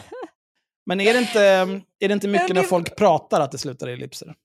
Jo, men då så hade jag ju läst att hon gjorde bara två. Men hon kanske gjorde det innan det kom en redaktör och sa nej, så här ska det inte se ut. Ja, visst så kan det ju vara. Och riktigt fi- frisk blir jag inte förrän jag får festa. Punkt, punkt, punkt! alltså, hela mitt liv är en lögn. Ja. Men apropå finska, hörni. Nej, vet du, Eh, äh, Nej, jag, ja, klipp bort det Ja. här Magnus, det här var en pinsam anekdot. Ta bort det. nej, det ska jag vara kvar. Absolut inte. Men jag har en grej. Eh, Vi behöver prata lite om det här med eh, Christian Peterssons eh, eh, förtalsstämningar Ja, visst gör det. och hans nya projekt. Eh, eh, som vi har pratat om eh, tidigare så har man ju försökt stämt oss för förtal och Christian Petersson har ju varit med och driver de här ärenden. Och eh, han har sedan dess försökt starta upp ett nytt projekt där han ska stämma allt och alla. Eh, och av någon eh, anledning har den här, eller någon anledning, alltså det är ju för att han inte förstår bättre. Men han har ju fått för sig att eh, ehm, kalla folk nazist. Det ska vara olagligt numera. Och det han hänvisar till är domen om förtal mot mig. När jag kallade en nazist för mördare. En mördare för mördare. Ja, mördare för, ja, det, det är en person jag kallar Du för kallade mördare. mördaren för mördare och mördaren råkar också vara nazist. Ja, en, en lång historia eh, i alla fall. Eh, vi har, eh, hur som haver, eh, det är inte vad det står i min dom. Det står ingenting om det här. Och det har han nu sprungit runt och bland annat fått eh, Ingrid Carlqvist. Ni vet, hon Ja. som varit känd hon som har varit känd många gånger av många konstiga saker, bland annat eh, Ingrid. Konrad. ja, testa sperma som hudvårdsprodukt. eh, Men det är inte bara hon som gör det. Det där är ju en riktig Eh, Gwyneth sitta i Navid. Modiri och, ja, jo, jag vet. sitta i Navid Modiri och, och diskutera att det där med förintelsen var nog inte så många som dog där. Och det, det finns en hel del uttalanden hon har gjort genom åren. Så nu, nu ska hon stämma folk för att hon har blivit kallad nazist. Eh, Mm och eh, det finns väl inte så mycket att säga om det. Det ska bli en eh, sann glädje och eh, hjälpa folk med eh, olika typer av svar och sånt. För vi kan ju inte ha det så att en bunt högerextrema aktörer ska springa runt och stämma folk för att de blir kallade rasister eller annat. Och det här har ju redan prövats tidigare också i förtalsmål. Men som man vet, alltså, man måste ju titta på det individuella fallet. Däremot så har han sagt en bunt saker kring det här som är väldigt, väldigt roligt. Och jag tänker att eh, för er som eh, lyssnar så ska vi först reda ut ett par saker. Eh, att du inte skulle få kalla en nazist för nazist, detta stämmer icke. Det är någonting han försöker skrämma upp folk med och för, förmå dem att sluta. Han är ganska tydlig med att det handlar om att skrämma upp folk med det här också. Och han påstår att han har skapat ett nytt n-ord. Det vill säga att man, får inte, man måste säga n-ordet istället för nazist till nazister. Eh, nej, så funkar det inte. Det, det är så jävla idiotiskt. Men eh, det roliga med det här, och det kommer ju såklart eh, återkomma framförallt eh, när han börjar förlora olika av de här fallen. Han har nu vunnit en dom och då går man ut och så skriver man så här. Eh, idag utfärdades ett skadestånd på 20 000 kronor till en vänsterextrem näthatare från ytterkantsgruppen Revolutionär Kommunistisk Ungdom. Vi kommer att offentliggöra näthatarens identitet och tidigare engagemang i samband med lanseringen av vår hemsida. Och så har de visat upp en eh, väldigt, väldigt, ehm, eh, vad heter det, ehm, svärtad dom. Eh, och så står det bara 20 000 kronor. Och nu är det så här. Det här är ingen riktig dom.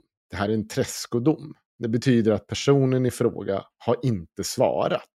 Och då har rätten i princip bara tagit ställning till de handlingarna som har kommit in. och bedömt dem. Och om de bedöms då att det åtminstone skulle kunna utgöra förtal och då går ju hela domen, alltså det blir bara så. Man kan inte bara skicka in saker och säga tagit kort på ett glas och säga det här är förtal. Det skulle inte do, liksom, domstolen acceptera. Finns det någon substans i det som skulle kunna utgöra och det samtidigt inte finns något försvar, ja, nej, då blir det så här, då får man 20 000. Men eh, frågan är ju här, är eh, summan rimlig? Nej, absolut inte. Den, kom, den här personen kommer, om den bara, åter, det heter åter Återvinning. Äh, återvinning av den här domen så kommer den här personen omedelbart få ner den här, även om den skulle fällas. Det kommer inte få ut några 20 000. Så att det, det här kommer inte vara en grej för den här personen. Så dels det, och det påstår de att det här skulle utgöra någon typ av praxis. Det gör det inte, än en gång. Det handlar om en person som inte har svarat. Man kan inte titta på den här domen och säga att den betyder skit. För att 20 000 är inte rimligt, det är inte så de andra har fått. Till exempel vi, som har kallat en person för mördare. Det har inte vi fått 20 000 i böter för. Det här är bara skitsnack. Det här kommer inte sluta med det här. Eh, sen om själva domen håller eller inte, det kan vi inte svara för. Och det finns andra skäl till det. Inte bara själva liksom att kalla någon nazist, utan det är mycket mer det här handlar om. Men han vill ge sken av att det skulle vara en stor grej och att det är bara liksom det här. Men skitsnack.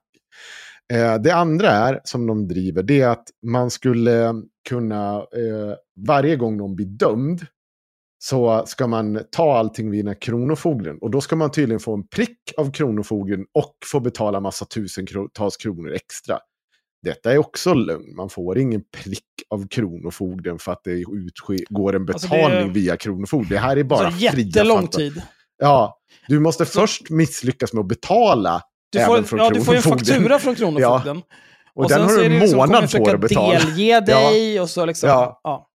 Ja, det här är liksom inga konstigheter. Det är precis som, även fast det är Kronofogden så har ju de också, måste ju de ha vissa tider på det för att betala. Utan bara för att Kronofogden betalar sig handlar det inte om att det står en liksom kar på två meter utanför dörren med yxa och säger ge mig 20 000 annars hugger jag huvudet av dig och ger en prick i registret. Det är inte så det funkar. Det är bara fria fantasier igen. Så om du någonsin skulle bli stämd för det här, och det här kommer vi ju också ta upp när vi hjälper folk, då handlar det ju så bara, det enda du behöver göra när du sitter där, det är att säga till rätten eller i medlingen att okej, okay, om jag nu mot förmodan skulle bli fälld, då vill jag ha ett kontonummer som jag ska betala in på det här. Ja. Då kan inte personen här... neka till det. Nej, för det här är ju uttalad mål från det här fascistslödret. Ja. Att, att, De, de ska ju dels, eh, så fort de får en dom till sin favör, så ska mm. de begära pengarna via Kronofogden, just för att den personen som har blivit dömd ska få betala extra pengar. Mm. Och de har ju också lagt till, eh, alltså allting är ju egentligen, eh, det finns ju två syften. Dels så tjänar de ju lite pengar på det, och de gör ju andra fattigare politiska meningsmotståndare. Men det handlar ju också mm. om att skapa content. Ja, precis. Det handlar om att skapa content i slutändan kring det här. Och tro att de ska tjäna pengar på det. Men problemet här är ju också att personen i fråga har ju, alltså, han har ju inte reggat några, han har inte lyckats, eh, han ska ju ansvarig utgivare för det här. Det finns inget sånt inskickat. Eh, Expo har ju skrivit om he hela grejen och de, det finns ingenting inskickat om ansvarig utgivare. Sajten som skulle vara liksom för det här, det är någon annan som har köpt upp alla jävla möjliga kombinationer av. Ja, alltså det där är ju någonting som eh, vi som har varit med ett tag på vilda webben. Ja. Eh, om man till exempel... Om man sitter och gaggar om saker? Ska man eh, säga, jag har en skitbra grej som jag ska göra ja. och jag ska använda den här eh, www.minsmartagrej.se. Mm. Då, då är det bra om du har köpt domänen minsmartagrej.se. För att annars ja, kommer någon annan bara... Got you! Ja. Det gjorde vi på högskolan. Min kvasiförening köpte upp de andra kvasiföreningarnas domännamn. Det var så himla kul när de var tvungna att göra massa olika grejer för att vi skulle sälja tillbaka dem till dem. Det var jättebra. Det, vad fick de göra för sjukt? Nej, men, gud, jag kommer inte ens ihåg nu. Men det var Något liksom olagligt? Här, nej, nej, nej, nej, nej. Alltså det var typ så här, häva massa sprit eller ja, något Det vanliga studentskiten. Eller, ja, ja, men precis. Alltså väldigt oskyldigt så, men äh, det var skoj. Ja. Så att det finns ju massa påståenden kring det här projektet som egentligen, jag tror inte ens att det, det, handlar om att bara gå ut och försöka skrämma folk, utan det handlar bara om att den här personen kan inte juridik. Och det finemangiga med det här, det är att personen retar upp en massa människor som kan juridik och inte tycker att man ska försöka använda svenska rättssystemet för att eh, kväva yttrandefriheten. Till exempel genom att försöka få skrämma folk från att inte kalla nazister för nazister. Mm. Det, det gör det bra. Då finns det många som är villiga att hjälpa till och det känns bra. Pro bono också, så då kostar det ingenting för folk. Det är det fantastiska. Och eh, ja, det har bara regnat in folk som vill hjälpa till på olika sätt kring det här. Och det, det tycker jag det gör, det gör det fint. Det gör, det gör mig gott i hjärtat. För eh, till exempel att prata. Eh, jag ska läsa, om vi, tar, vi, vi bara tar det här med mm, Ingrid Carlqvist. Ska vi ta här lite om Ingrid Carlqvist. Jag läser en artikel här från Exakt, eller Expo. Men bara snabb fråga innan du ja. går in på det. Har han erkänt att det är han som gör för ja. om Ja, ja. Han, men han var det inte lite så, så som... Eh, Civilsamhället? Ja, ja, men var det inte lite så som han hade sin andra sån grej där han, eh, vänsterkollen, vänsterkollen. Ja. Där han bara, åh bra skrivet vänsterkollen, som att det inte är han själv som driver den. ja. Var det inte lite så med förtalsombudsmannen också? Först? Nej, men han har faktiskt erkänt att det är han. Ja, okay. eh, och han Däremot så är ju... steg för honom ändå. Jag känner, bra jobbat Christian. Eh, men det finns Stolt ju andra personer. Han påstår ju att han har flertalet jurister som jobbar med honom där. Eh, och de är ju fortfarande lite skumraskiga, eller de är inte jätteskumraskiga, men... Men jag ska, jag ska läsa här lite. mycket är med, om man säger så. Uh, och det här, har man följt oss så vet man ju vem det här med är. Men um, nu ska vi se. Inge, det här är direkt från Expo. Inge Carlqvist var vid 90-talets slut en nyhetschef på Kvällsposten i Malmö. Men sa upp sig själv 99 när tidningen köptes upp av Expressen. Hon arbetar därefter främst som frilansjournalist men även ett tag på Aftonbladets kortlivade gratistidning.se i Malmö. Året 2009 till 2010 var hon chefredaktör för eh, Vi i Villa och därefter textgranskare och textredigerare på Aftonbladet. Parallellt med frilansjournalistiken har Ingen Karlqvist skrivit ett antal biografier, bland annat eh, om eh, Big Brother-stjärnan Carolina Gynning och lite mer. Men Redan under tiden på Kvällsposten började Inge Carlqvist granska rättsfall där fäder utpekades för incest mot sina barn. Detta skulle komma att utveckla sitt engagemang i den så kallade papparättsrörelsen där Inge Carlqvist under sin frilansperiod föreläste om hur inceståtalade fäder behandlas av domstolarna. Eh, Karlqvists yrkesbana har kantats av kontroverser. Hennes bloggtexter om män som dömts för incest i vad hon menar var rättsosäkra processer ledde till att tidningen Vi Villa förlorade annonsörer. Enligt Karlqvist själv var detta orsaken till att hon 2011 fick lämna som chefredaktör. Och här börjar det spåra ur. I oktober samma år ledde, SD-vänliga, eh, i oktober samma år ledde en SD-vänlig krön, krönika i tidningen Barometer med rubriken Gud bevara oss för antirasister till att hon sades upp som krönikör. Och sen handlar det om att hur hon har gått från tryckfrihetsskapet till Dispatch International till att hon eh, startar, eh, jag kan läsa det här stycket om hon och, eh, vad heter det, eh, Ingrid och Konrad. Då står det så här, under åren så följde hade Inger Carlqvist alltmer kommit närmare sig den rasideologiska rörelsen. År 2014 talar hon på Daniel Fribergs återkommande seminarium Identitär idé, en fascistisk rörelse. År 2015 startade hon poddradioprogrammet Ingrid och Konrad tillsammans med Daniel Konrad Frändelöv, där hon dels börjat uttrycka sig allt mer antisemitiskt, någon som tidigare i Counter Jihad-rörelseretorik var en av de saker man fördömde muslimer för. Dels uttalade sig hon sig positivt om Nordiska motståndsrörelsen, och under en kortare tid var Inger Kakis knuten till den konservativa amerikanska tankesmedjan Gaystone Institute. Men de distanserar sig henne just på grund av hennes positiva uttalande om nazister. Då. Ja, det är ehm, så himla konstigt. Ja, det är konstigt hur det kan gå. Eh, den 25 november 2017 startade Karlqvist och Frändelöv tillsammans med redaktionen för nazistiska motgift föreningen Det fria Sverige tillsammans med Magnus Söderman. Än en gång mannen med takkors på bröstet.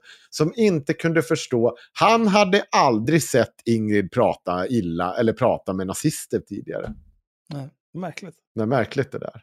När man har bjälken upp i, så långt upp i röven att det sticker ut ur öronen på en.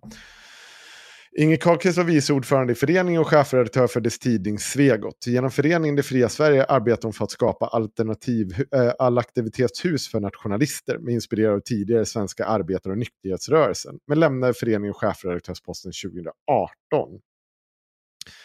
Inge Carlqvist har upprepade gånger ifrågasatt bevisen för förintelsen. Hon har uttryckt sig eh, för det nazistiska narrativet att Nazityskland bedrev försvarskrig mot judar. Eh, och det är vanligt, ja, det, det, är vanligt inom miljöer som förnekar och ifrågasätter förintelsen att medge att det pågick en viss diskriminering av judar i Nazityskland. Men de förtjänade det. Ja, detta legitimeras ofta av de falska påståenden som även används av Nazityskland att den internationella judendomen förklarar krig mot Tyskland. Och det här är lite hennes egna citat. Då. Du är, väl, med, du är väl medveten om att många överlevare har fejkat sina historier. Twitter 2017. Ett annat citat från 2017 på Facebook. Jag uppmanar alla att gå igenom bevisen för förintelsen. De flesta är övertygade om att det finns tonvis med bevis. bevis. Men när man går igenom det blir det inte alls så tydligt längre. Kolla alltid allting. Wink, wink, wink, trippelparentes. Mm. Judarna hade förklarat krig mot Tyskland redan 1933 och ansågs vara fiende till landet. Twitter 2017. Här kommer nästa. Det etniska svenska folket, folket som tillhör den vita rasen ska ta vårt land tillbaka. Vi accepterar inte att utrotas. Twitter 2017. Det här låter absolut inte som någonting som en nazist skulle skriva. Nej, nej. Eh, jag skulle aldrig säga, där går en svart, han har säkert lågt IQ. Det vore rasism, helt idiotiskt. Däremot tycker jag att det är intressant att vi får in, uh, får in den här jättestora invandringen från låg-IQ-länder. Det, jag vet inte, det är inte jätteolikt. Hur är det inte samma sak? jag vet inte. Men, men jag säger så här, att har du befunnit dig i den här typen av rörelse och du blir kallad nazist, det är ingen som ska bli dömd. Alltså, det är ingen, ingen ska kunna du, det här, nej, det kommer inte på fråga. Det kommer inte på fråga. Du kan inte ha samröre med nazister, eh, säga att du ville och samarbeta med nazister, ifrågasätta förintelsen, förneka förintelsen. Och sen sitta där, nej, ni får inte kalla mig nazist. Glöm det. Glöm fucking det. Det ska bli med en sann glädje att hjälpa de som uh, har blivit stämda för det här på alla sätt jag kan. För de ska inte betala en jävla krona. Om det så kommer ur min egen ficka så ska det inte betalas en jävla krona för att du har kallat nazister för nazister. Punkt. Så, eh, ja, och det är lite det vad vi har hållit på med och, och eh, fixa och trixa med, med sådana här saker. Det betyder inte att vi kan, eh, det var någon som fått för sig, eller det, att vi har sagt att vi ska betala alla stämningar och hej och hå. Det har vi inte sagt. Men däremot ska vi se till att det här koordineras och att folk får stöd. Och eh, ja, jag är villig att betala min egen ficka och min egen vinst om det så skulle vara. Sen får ni säga. Ah. Det finns folk jag vill hjälpa.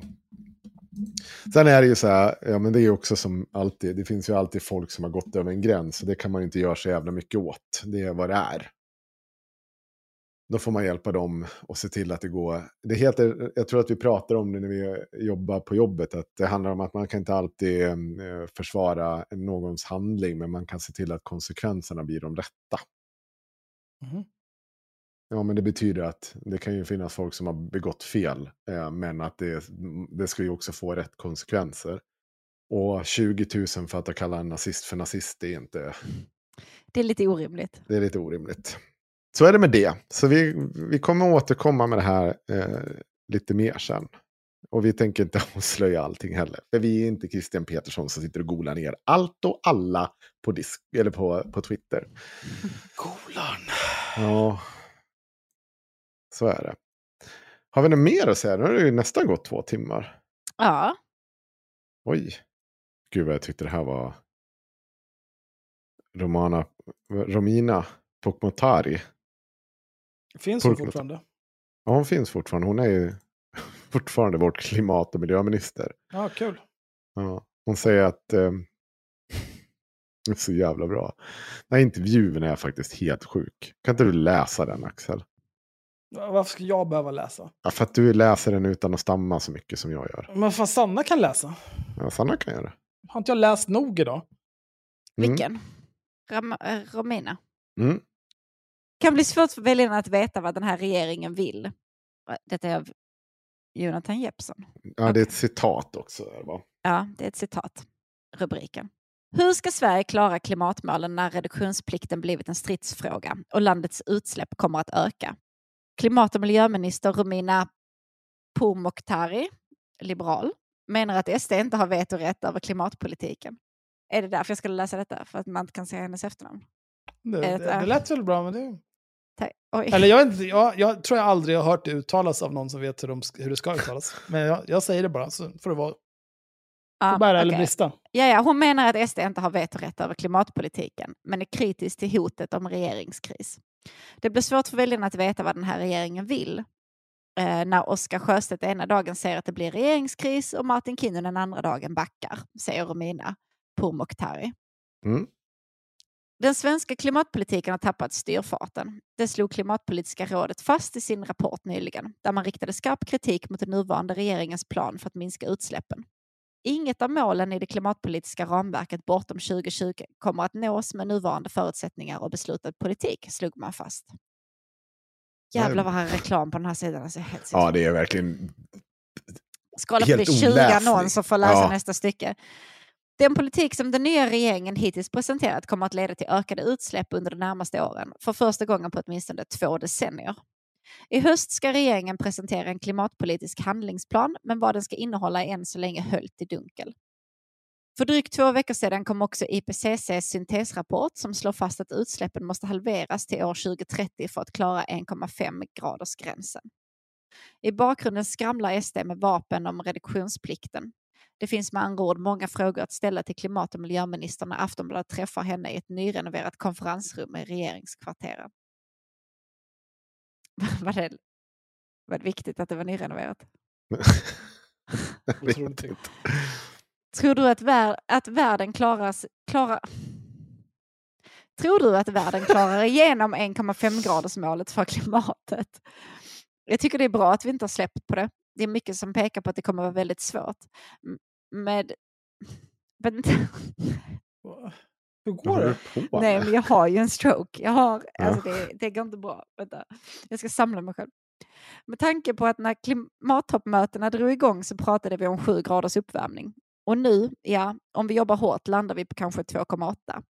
Alltså att det är det här vi har liksom rört sig från 7,5 till 2,8. Det tyder ju på att det kan gå, om man nu ska vara optimist. Jag tycker det är bra att siffran står där, att vi har ett 1,5 graders mål. Om vi kommer nå det, det är mycket som pekar på att det blir väldigt, väldigt svårt. Främst eftersom vi inte ser större förändringar av länder som genererar stora utsläpp. Så om inte Ryssland, Kina och USA rör på sig mer, om inte hela den kolossen rör sig framåt, så är det mycket som tyder på att det blir som IPCC kalkylerat helt enkelt. Toppen. Tänk att det skulle hänga på dem. Mm. IPCC skriver ju allt mer om så kallade tipping points. Vi behöver ju minska våra utsläpp väldigt snabbt för att undvika att kliva över trösklar som förvärrar klimatförändringarna. Hur hänger det ihop med att våra utsläpp ska öka de närmaste åren här i Sverige? Sverige behöver också minska sina utsläpp de kommande åren och den här tiden som vi har framför oss kommer vara väldigt avgörande för Sverige, för hur Europa lyckas och för den globala hanteringen av klimatkrisen. Vi har en kontext i Sverige som man faktiskt inte kan ignorera, där vi har lagt väldigt mycket vikt på reduktionsplikten som verktyg. Sedan är det ett faktum att utbud, utbud på biodrivmedel och bränslepriserna i grund och botten ligger i Rysslands händer, säger Romina Mm. Pourmokhtari. Nu, nu kan jag hennes efternamn känner jag. Nu Mm. rullar det på. Ja, Okej. Pourmokhtari. Sluta. Ja, men eh, först, vi kan konstatera ett par saker. Först att hon lever i en fantasivärld och hon tror att SD inte har vetorätt i att den här regeringens existens eller inte. Det är som att hon inte vet vad valresultatet är. Eller så, ja. Kanske Det inte tänka på det tråkiga. Nej, och man tycker också så här, nu har man konstaterat här att eh, hur hänger det ihop med att våra utsläpp ska öka de närmaste åren?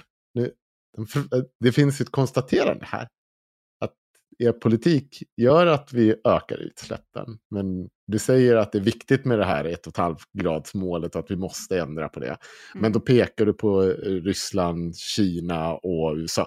Vilket också såklart måste göras. Det är ingen som förnekar att Det, det står, och, det, står eh, det vill säga att det, det, är inte vi som kommer liksom tippa hela världen åt helvete, men vi måste vara en del av hela världen.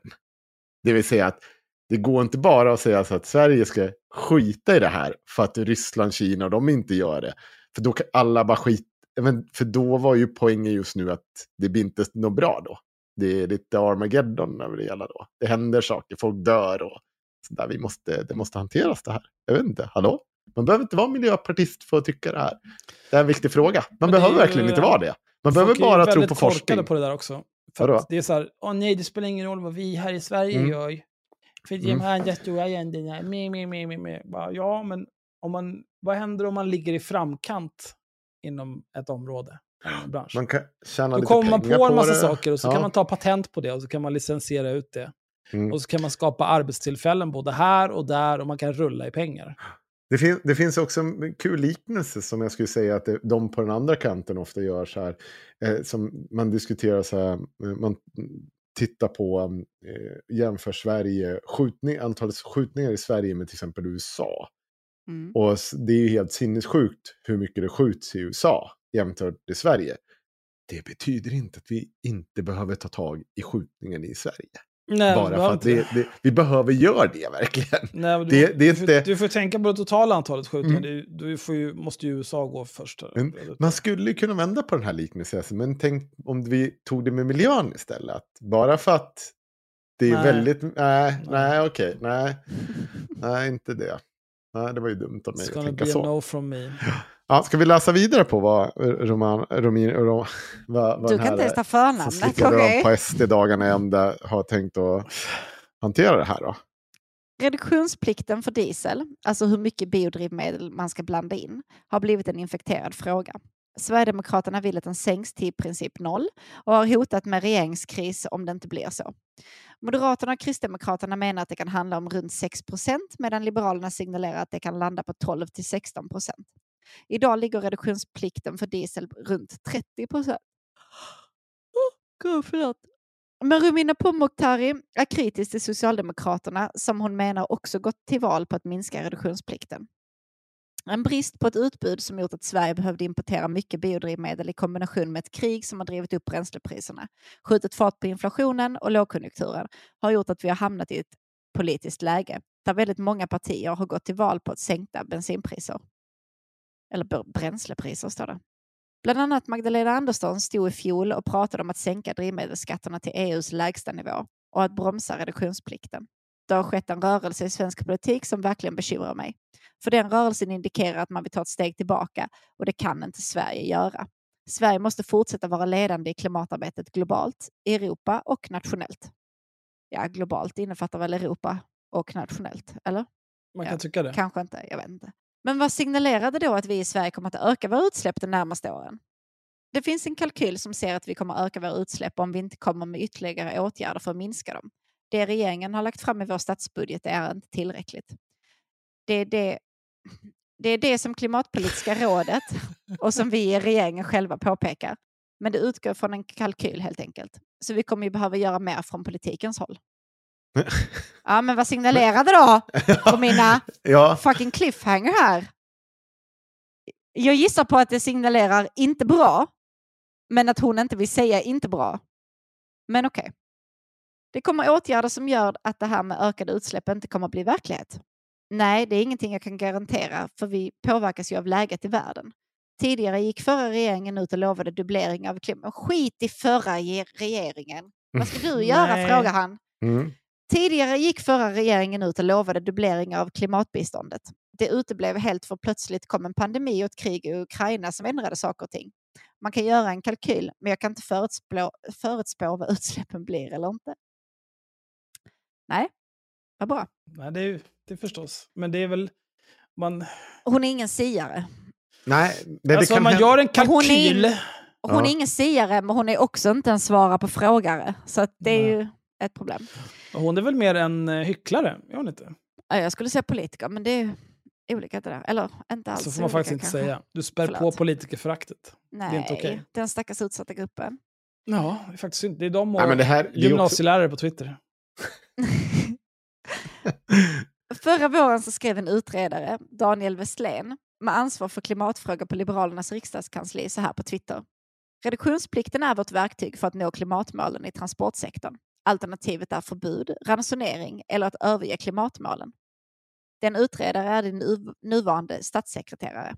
Håller du med din egen statssekreterare? Vänta, stopp nu. Ja, I, that's a no from me. att hon kommer göra det. Eh, men eh, jag tänker också så här, hon håller ju inte med sig själv vad hon sa om SD innan valet. Så varför i helvete skulle hon hålla med om något sånt här? Hon är ju kovänt i varenda principfråga, trots att hon sa att om man håller på och kovänder i principfrågor så borde man inte vara politiker. Ja, men hon, Hon är den kovände väl i den största- ställningen också? Alltså på riktigt, hon är den största skammen för politik i Sverige. Och det, är inte, det finns många sossar som är en stor jävla skam för politik. Men när du sitter och har den typen av svansföring, verkligen så här, om inte, vet du, kan du inte stå för vad du tycker. Men det är ju så så många sådana där. Det Ja. är ju eh, Romina Pourmokhtari, Robert Hanna, Lars Bäckman. Det finns ju jättemånga sådana politiker på liksom, eh, i, i, de som låtsas vara mitt, till mitten och de som också är till höger som Lars Bäckman. Som Mm. liksom höll på som fan och vässade mot Sverigedemokraterna. Ja. Men nu står det så här, ja, nej visst, jag har alltid gurglat Jimmys pung. Den har alltid smakat toppen. och jag, jag, jag, jag funderar på det här dagen, så man undrar ju, eh, när ljög de? ja.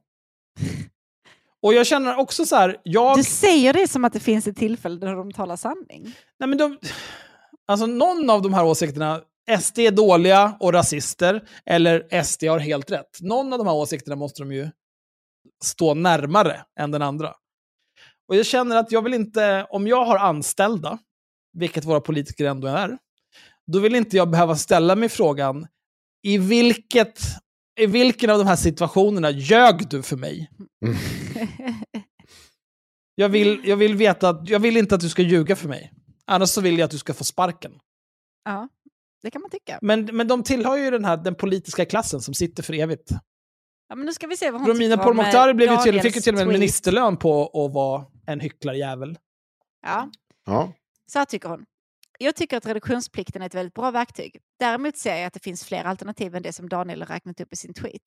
Det man behöver förstå här är att vi är olika partier som sitter i en och samma regering nu. Ja, Det är så brukar vara så. fungera. Mm. Miljöpolitiken är ett område där partierna i regeringsunderlaget står långt ifrån varandra. Så att Liberalernas politik, exempelvis som Daniel har skrivit i sin tweet här, den kvarstår ju. Men det vi gör nu är att vi sitter i en regering där vi förhandlar, kompromissar och försöker hitta vägar framåt. Och där ska jag leda det arbetet tillsammans med Daniel. Tack för att du förklarar hur regeringen fungerar. Ja. Det, här, så där blir man ju Det är vansinnig väldigt drygt svar. Ja, ja, ja, precis. Och det är ju samma, jag brukar tänka på det när jag, när jag själv, och jag har, tror jag har sagt det här förut, när man svarar någon, jag hör vad du säger. Då vill man ju bara, ja, och jag kommer slå dig på käften. Ja, det räcker inte att du hör, Så du måste har bara begripa konst- också. Ja, du har konstaterat att du hör. Ja. Grattis till det. det var, jag sa saker exakt en och en halv meter från ditt ansikte. Du har hört det. Vad bra. Hade jag trott att du var döv, då hade jag tecknat det till dig eller skrivit ner det. Men vet du vad? Jag vill höra någonting annat. Har du någonting för, mot eller liksom... Rätt du... svar nu tack. Ja. ja. Han är lite Fortsätt. fel ute här då. Han har inte hela bilden. Han försöker ju i sin tweet poängtera vilket kraftfullt verktyg reduktionsplikten är.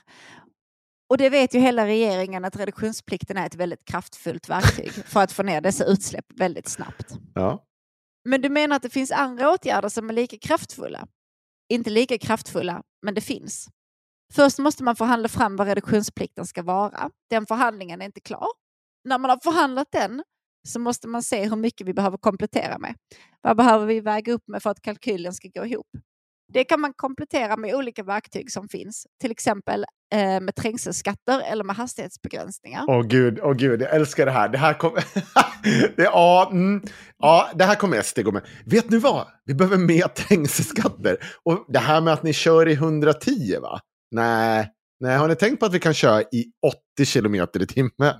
Och hon har rätt. Alltså helvete vad man spar. Alltså jag har blivit, med tanke på att den nya regeringen inte har sänkt priserna på bensin så som, och diesel Fast vi som har sa. Ja, Kristerssonpriser nu. Ja, så har jag ju fortsatt kört väldigt förnuftigt. Och, och kommer nog så faktiskt göra. För det spar en hel del pengar har jag upptäckt. Även om det har gått ner. Det finns liksom ingen anledning att köra för att jag har inte riktigt kommit fram snabbare. Men du sparar en jävla... Men testa och säg det till bensin. Gå in i bensinupproret 2.0 och berätta att Hörrni, har ni tänkt på det här att ni sparar en hel del bensin om ni kör i 80 istället för 110? Så jag tänker att Europavägen här utanför, vi sänker hastigheten till, vi har ju just ökat till 120, men nu, nu tar vi ner det till 80 istället. Ja, ska vi se hur länge du blir kvar, Romina. Det blir nog bra. Vad ser du framför dig att dessa hastighetsbegränsningar ska träda i kraft? Nej, nej, nej, nej. nej. Gud. var ser du framför dig Ja, att men dessa också, ska nej, träda men i kraft? jag sa nej, nej, nej, för katten Ja. klickar runt på andra Jaha. flikar här nu. ja, det beror helt på var reduktionsplikten Nej, landar. stadstra stadstrafik eller, på, eller motorvägar. Säger Jag har hoppat över en mening. Ja. Ja. men han klickar ju runt i mina flikar. Klipp men det... det- här Magnus, jag, Jag börjar om. hjälper ju dig här. jag blir Så jävla dålig stämning. Var, var ser du framför dig att dessa hastighetsbegränsningar ska träda i kraft? Stadstrafik eller motorvägar? Ja, det beror helt på var reduktionsplikten landar. Utifrån vad vi kommer överens om att vi ska lägga den på så kan vi se vad vi behöver komplettera med. Men det är viktigt att tänka på kontexten här. Vi är i ett läge som vi inte var i när vi satte den reduktionsplikten med en hög trappa och vi ville fortsätta på den hela vägen. Utformningen av sådana förslag beror ju på hur mycket vi behöver hämta in. Man kan ha trängselskatter på olika platser, man kan ha hastighetsbegränsningar på olika typer av gator. Det finns en stor flexibilitet i hur man kan utforma det här verktygen. Ja, och det var ju också det han frågade dig om.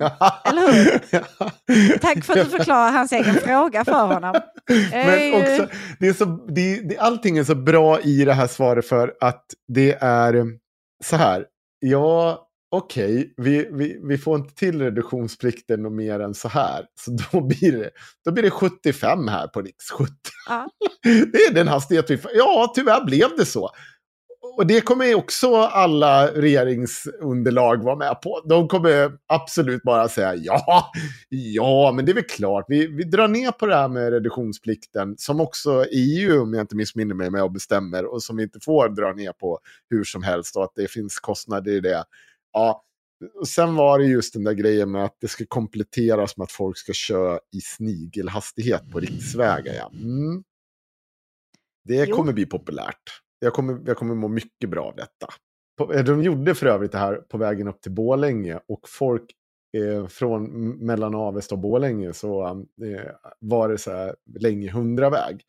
Så bara en dag så var det 80-väg och alla bara vad Alla kukar ur. Ja. helvete hände här?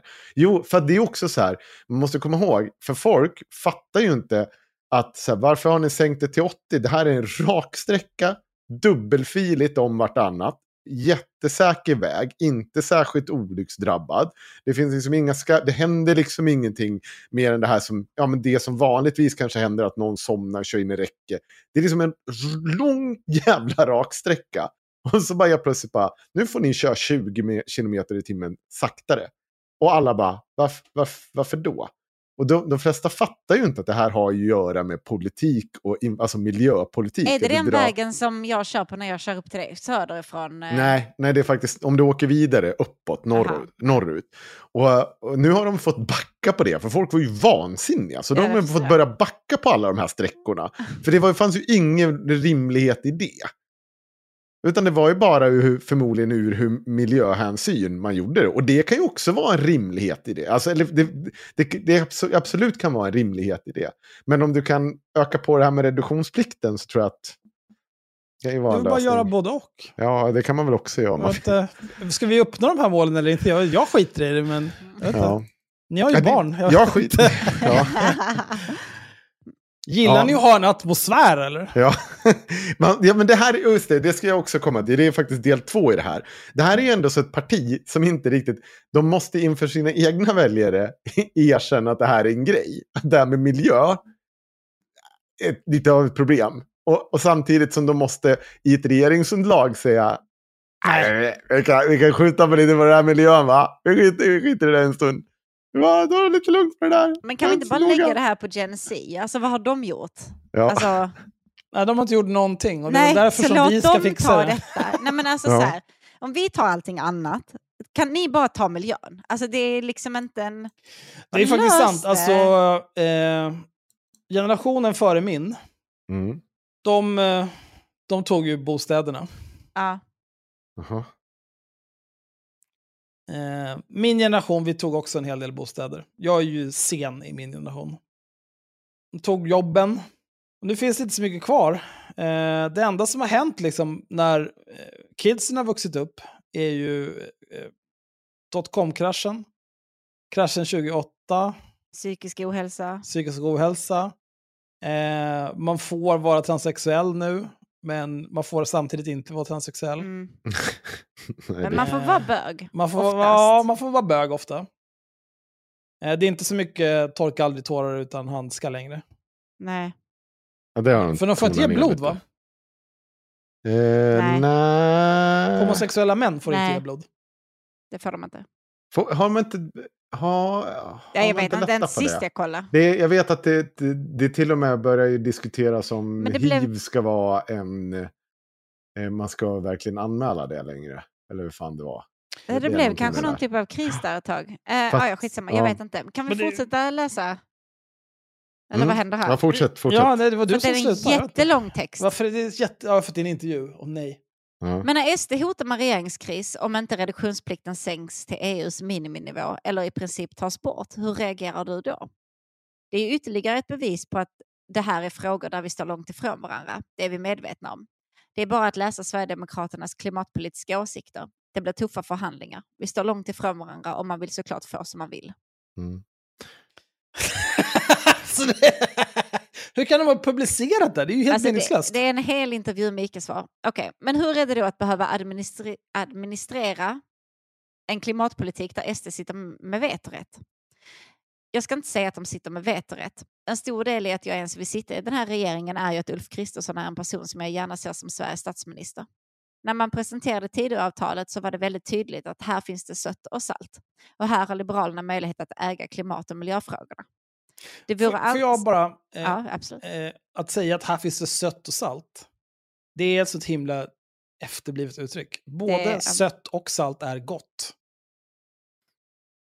Mm. Ja. Här finns det sött och bajs, kunde hon sagt. Ja, Ja. här finns det... Ja, jag orkar inte. Jag tänkte, nu, nu, nu rattlar jag av ett på jämförelse här, men jag pallar fan inte. Romina Pourmokhtari har stulit all min livskraft. Det vore ansvarslöst att backa från en sådan möjlighet. Exempelvis får jag se till att pengarna inte försvinner från våtmarkssatsningarna. Jag får utöka elektrifieringen och ge tillstånd till havsbaserade vindkraftsparker längs hela svenska kusten och se till att lagstiftningen öppnas för SMR-reaktorer. Och göra historiska satsningar på laddinfrastruktur och CCS. Det där är ju toppen för mig. Nu, nu har vi ju här, nu ska vi börja med här? Ja. Här står det. ehm, eh, hon vill ju jättegärna eh, sitta eh, i Ulf Kristerssons knä här. Och, Ja. eh, och tycka att allt är bra för han är en sån himla bra statsminister. Statsministern. Mm. Och här har Liberalerna möjlighet att äga klimat och miljöfrågorna.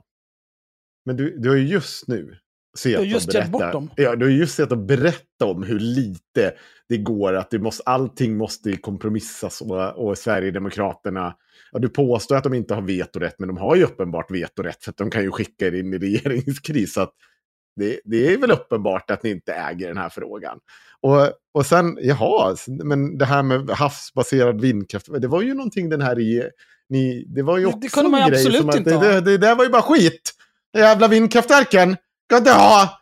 Det var ju en skrike om en hel valrörelse tillsammans med era samarbetspartier. Jag vet inte, om- Liberalerna har kanske inte gjort det. De höll sig lite i bakgrunden.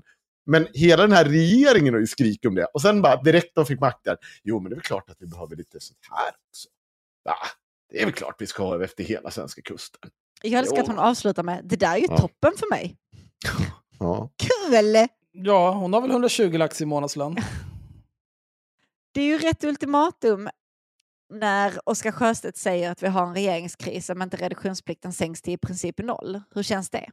Jag känner inte så mycket inför det. Jag tror att Oskar Sjöstedt inser också att det kanske inte vore så bra om Magdalena Andersson är statsminister för Sverige just nu. Där Nej. tror jag att Det är bättre om han, eh, de juden-killen, sitter och berättar om hur saker och ting ska vara. Kommer ni ihåg han som sparkar, eller som hängde med nazister som sparkar på döda får och kallar dem de juden? Romina, kommer du ihåg det? Romina, De innan du lyssnade på det här, kommer du ihåg? Det var de du inte tyckte, de var ju rasister. i- Ja, okej, men vi fortsätter. Ja. Ja. Det är, det är, Magda är ju mycket värre. Den där det är ljuden på skoj när man är på fyll, det är sånt som händer. Somna på nassefest, det är sånt som händer. Springa runt med bomberjacka, vara rakad och vara nazist ända upp i sena 20-års...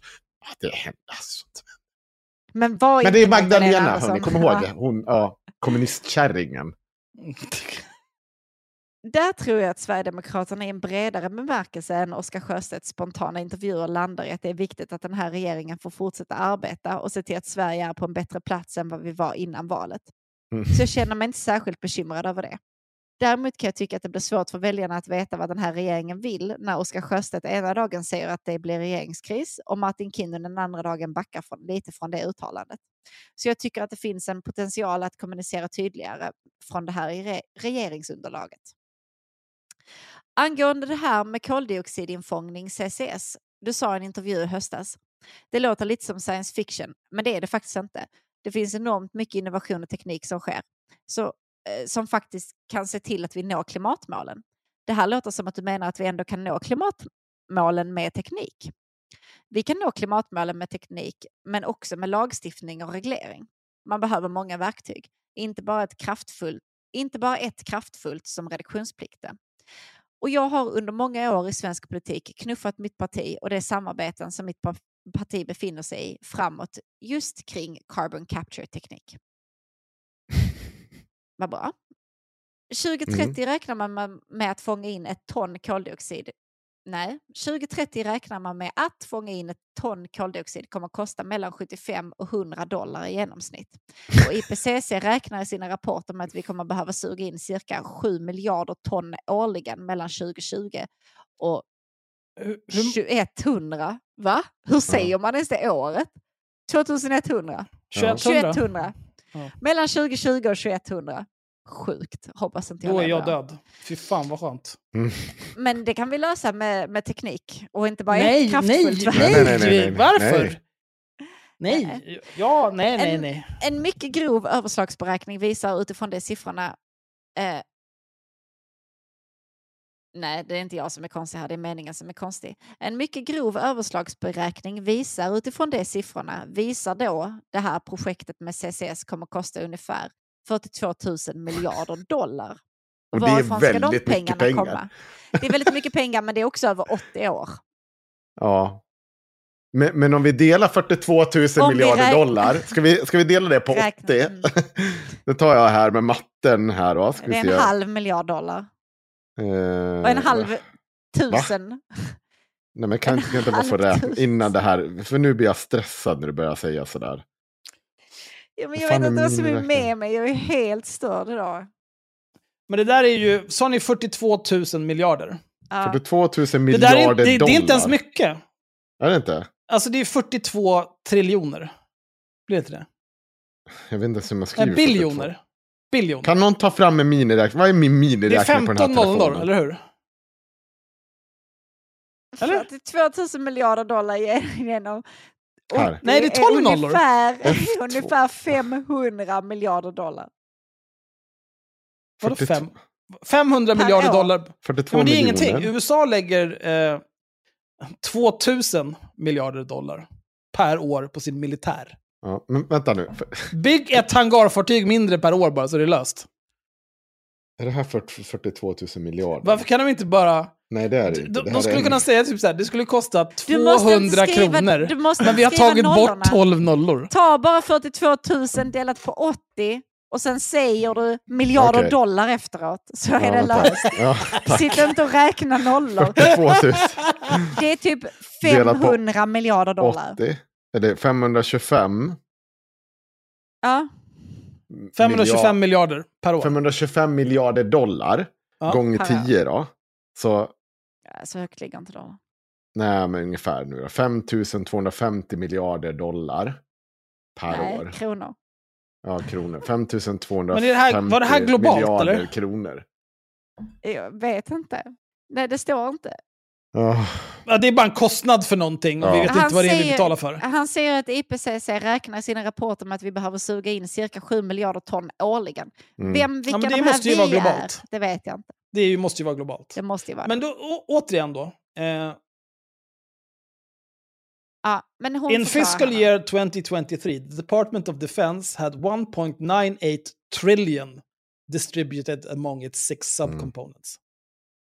Ja. Så det där, det där kostnaden för det här, det är en fjärdedel av vad USA spenderar på sin militär per år. Jag, jag, jag Så har vi de ta ansvar pengarna. för någon av de här siffrorna. Det är väldigt mycket pengar i alla fall. Det är inte mycket pengar i Jo, sammanhanget. det här är mycket pengar. Men Inte läs det nu. Ja, det är mycket pengar om du ska gå ner och köpa cola på Ja, men Ica, men det är jag- inte mycket pengar i sammanhanget. Grejen är att jag tror inte på din uträkning. Jag tror inte att det här är samma. Jag vet inte. Men Va? vi kan vi...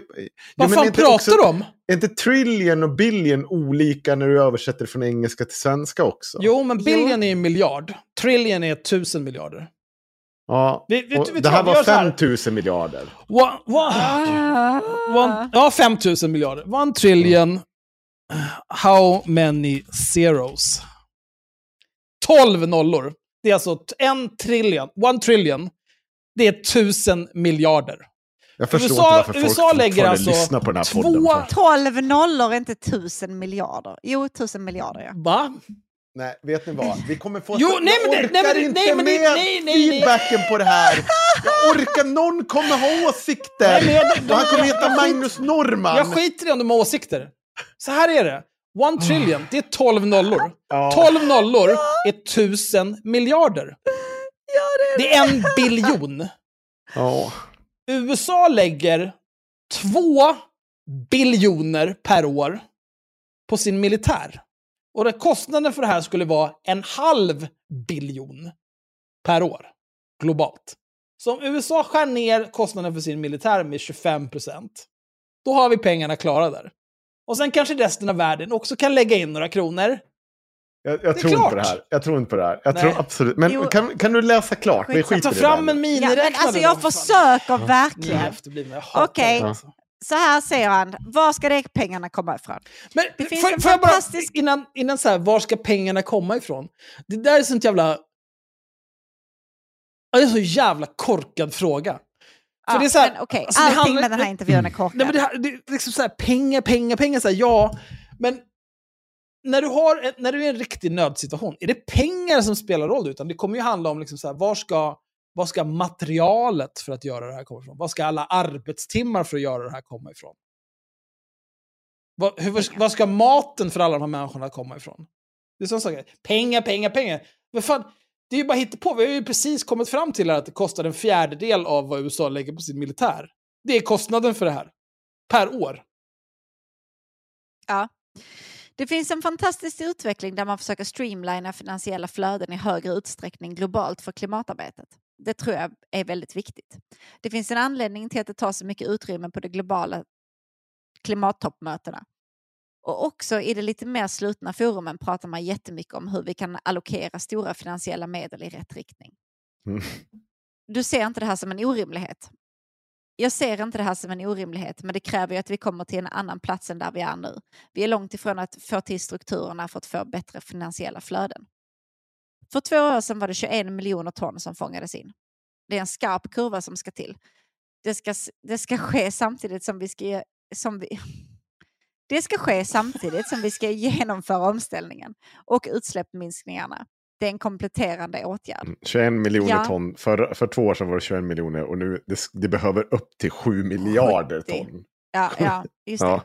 det. Inte Men, det, 70. men, vi, men det, var, det är ju inte så svårt. Alltså, Det är en skarp kurva. jo, jo, men det är så här. Om, om de har räknat ut en kostnad för det, då är det bara lägg de pengarna. Lägg de resurserna. Va, Ja. Vad är problemet? Det, här, det, här, det enda som saknas är politisk vilja.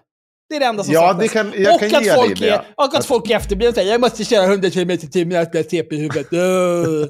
Kör i 80, vem fan bryr sig? Vad, vad hjälper det för dig? Så här, ja, på den här vägen hade jag kunnat köra i Alla 100, bryr men nu kan jag inte det. Vet du varför? För att det är en tsunami här nu istället. Och har rivit hela jävla den här vägen. Så du kan inte köra alls.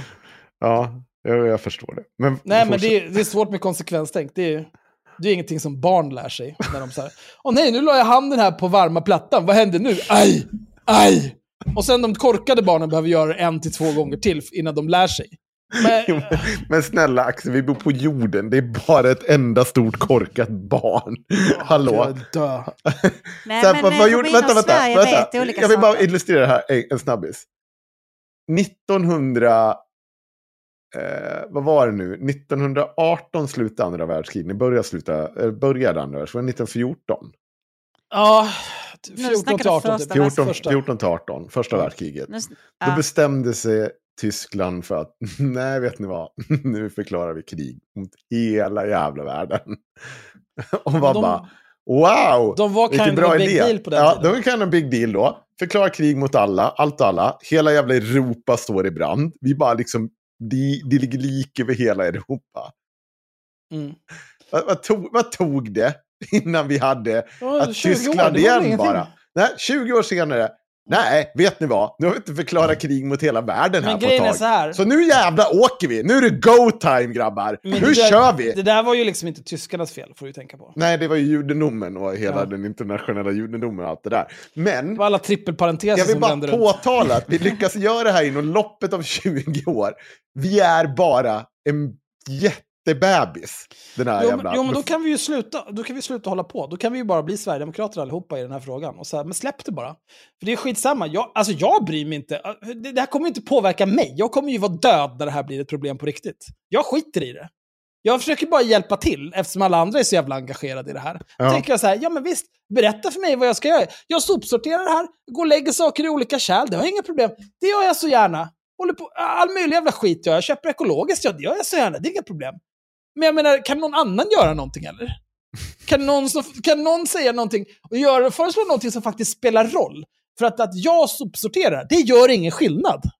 Det gör på riktigt ingen skillnad. Ja, nu tog jag papperskassar här när jag skulle handla frukt istället för plastkassar. Ja, det spelar säkert jättestor roll. Vet du, i Indien och Kina, när jag, jag sitter och tittar på matporr. Nej, Jag orkar inte ens prata om matporren alltså. Men, ja, jo, men så här, i Indien och Kina när man tittar på matporr där. När de köper mat på gatan, alla får sin mat i plastpåsar. Vet ni hur många människor de är där? De bara typ så här öser ner, ja men jag har gjort en massa pommes frites där med korv. Öser ner i en plastpåse, här tar den i handen och bara äter rakt ur den. Ja. Ja, det här är egentligen inte själva omställningen. Exakt. Och det är väldigt viktigt att lyfta. Jag och Sverige är väldigt noga med det. Särskilt nu när vi är på EU-nivå också och pratar allt mer om koldioxid och koldioxidinfångning. Okej. Han har skrivit det konstigt. Att det här inte är på något sätt... Att det här... Nej, men alltså, så här pratar Att det man här är inte. inte på något Att det sätt... här är inte på något sätt att ersätta arbetet med utsläppsminskningar som måste hålla den takten det gör på europeisk nivå. Men du måste ju reflektera mycket med de här frågorna. Vad är det för värld vi lämnar vidare när utsikterna ser så dystra ut? Ja, det är verkligen en legitim fråga. Nu, nu vill jag Ja, höra att du svarar på denna väldigt legitima fråga Men snälla, det kommer hon ju inte göra. Det ger ju mig en ordentlig sporre att jobba hårt. En naturlig sak eh, av att vara en del av min generation är att man måste gå runt och ha ont i magen över det här och känna sig ängslig. Och det är fullt legitimt. Men- Men, någonstans så blir det ju min roll att lägga den här ängslighe- ängsligheten åt sidan och bara göra allt jag kan och fatta tag i varenda verktyg jag hittar för att liksom laga den här jäkla jorden och lösa det. Och då är det inte alltid det mest tacksamma Nej, fast om du, om du var väldigt snabbt kunde göra det här med reduktionsplikt, då löser vi det. Så går du ur det samarbetet och gör det tillsammans med folk som är villiga att göra det. Då. Eller? Va? Ja, det är helt obegripligt det här. så här bara, ja. I en annan intervju sa du att du ser problem med konsumtion när det kommer till klimatet. Vad är det för problem du ser med konsumtion? En sån sak är hur välutvecklade länder reflekterar över sina utsläpp. Vi har konsumtionsbaserade utsläpp som vi måste ta hänsyn till i större utsträckning än nu. Ska politikerna lägga sig i vad människor konsumerar? Politisk, politikerna ska se till att det finns ett jordklot att leva på framöver. Och man har ett ansvar att vara obekväm och modig i det lägen då det krävs. Sen är vi inte i närheten av att prata om hur vi ska åtgärda det problem och hur vi konsumerar, utan det handlar ju snarare om att ens reflektera över våra konsumtionsbaserade utsläpp som, är en del, som en del av svenskar. Mm. Hur ska vi konsumera mindre generellt? Vi måste konsumera smartare. Vi måste se till att vi har mer cirkularitet i vårt system och minska vår råvaruutvinning. Det är total, den är totalt orimlig. Vi kan konsumera lika mycket som vi gör, men vi ska konsumera produkter som är cirkulära. Vi ska köpa färre nya saker. Vi ska köpa färre nya saker, så kan man säga. Toppen. Vilken bra intervju det här var. Och mycket du Hon hade att svarar i alla fall på den sista frågan. Ja, det gjorde Huh, det var det då var han kände, tack lätt. nu slutar vi. Oh. Lätt okontroversiellt att säga att det är bättre att kanske återvinna. Det kan man även göra om man är liberal. Ja, men det är cirkulärt. Ja, det glädjer mig att Romina Pourmokhtari är yngre än mig. Mm, gläder mig att hon blir tvungen att hantera Sverigedemokraterna efter allt Nej, det men här. hon kommer ju få leva längre än jag i det, i det klimat-hellscape som väntar er. Ja, ja vad skönt. Det kan hon gott ha. Kan hon sitta där med... Du, det kommer alla i den här podden få göra så som du lever. Ja, det är bara bra. Mm. Men ska du börja träna igen då, Axel? Jag har inte hört om göra hur det? du lyfter på länge. Nej, men jag, jag är färdiglyft. Nej. Du, kan inte, du kan inte bara ge upp. Jag är får- Det handlar inte om att ge upp, jag sluta raka det och sluta lyfta. Nu får du ge det. Jag har inte rakat mig en enda gång sedan jag lärde känna dig, så jag vet inte riktigt vad det här med att sluta raka sig har med någonting att göra. Jo, men på den tiden så såg du inte ut som en pubertal skäggväxt. Hur ser du själv Det var inte vad du tänkte säga. Nej, jag, jo, Nej. det var Ja, det okej. faktiskt. Okej. Det var det. Jag försökte nej, på en okej. ännu bättre förolämpning, Ja. men jag kom inte på någon snabbare, så jag- jag fick ta det jag hade. Ja. Ja, nej, men jag ska raka mig snart, så det behöver du inte oroa dig för. Nej, jag bryr mig inte om du rakar dig. Nej. Jag, för jag är vuxen, jag går inte runt och oroar mig över sådana saker. nej, men jag oroar mig inte. Undrar att om, du- undrar, om- undrar om Henrik har rakat sig nu, undrar hur han ser ut. Varför skulle jag bry mig om det? Jag vill, Jag vill, se, jag vill se print av er privata chatt. Om det är 100% bara, har du rakat dig idag eller? Har du, har du rakat dig idag?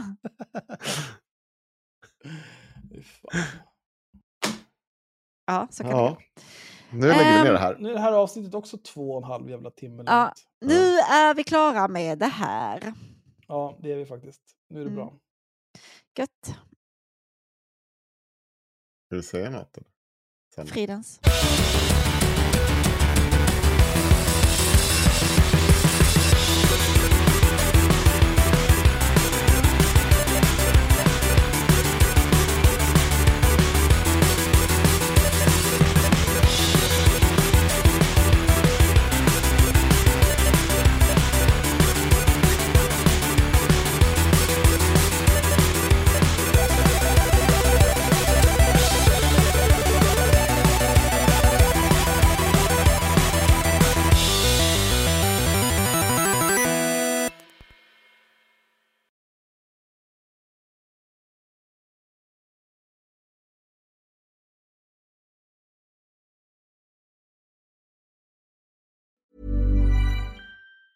Tired of ads barging into your favorite news podcasts? Good news. Ad-free listening is available on Amazon Music for all the music plus top podcasts included with your Prime membership. Stay up to date on everything newsworthy by downloading the Amazon Music app for free or go to amazon.com slash news ad free. That's amazon.com slash news ad free to catch up on the latest episodes without the ads.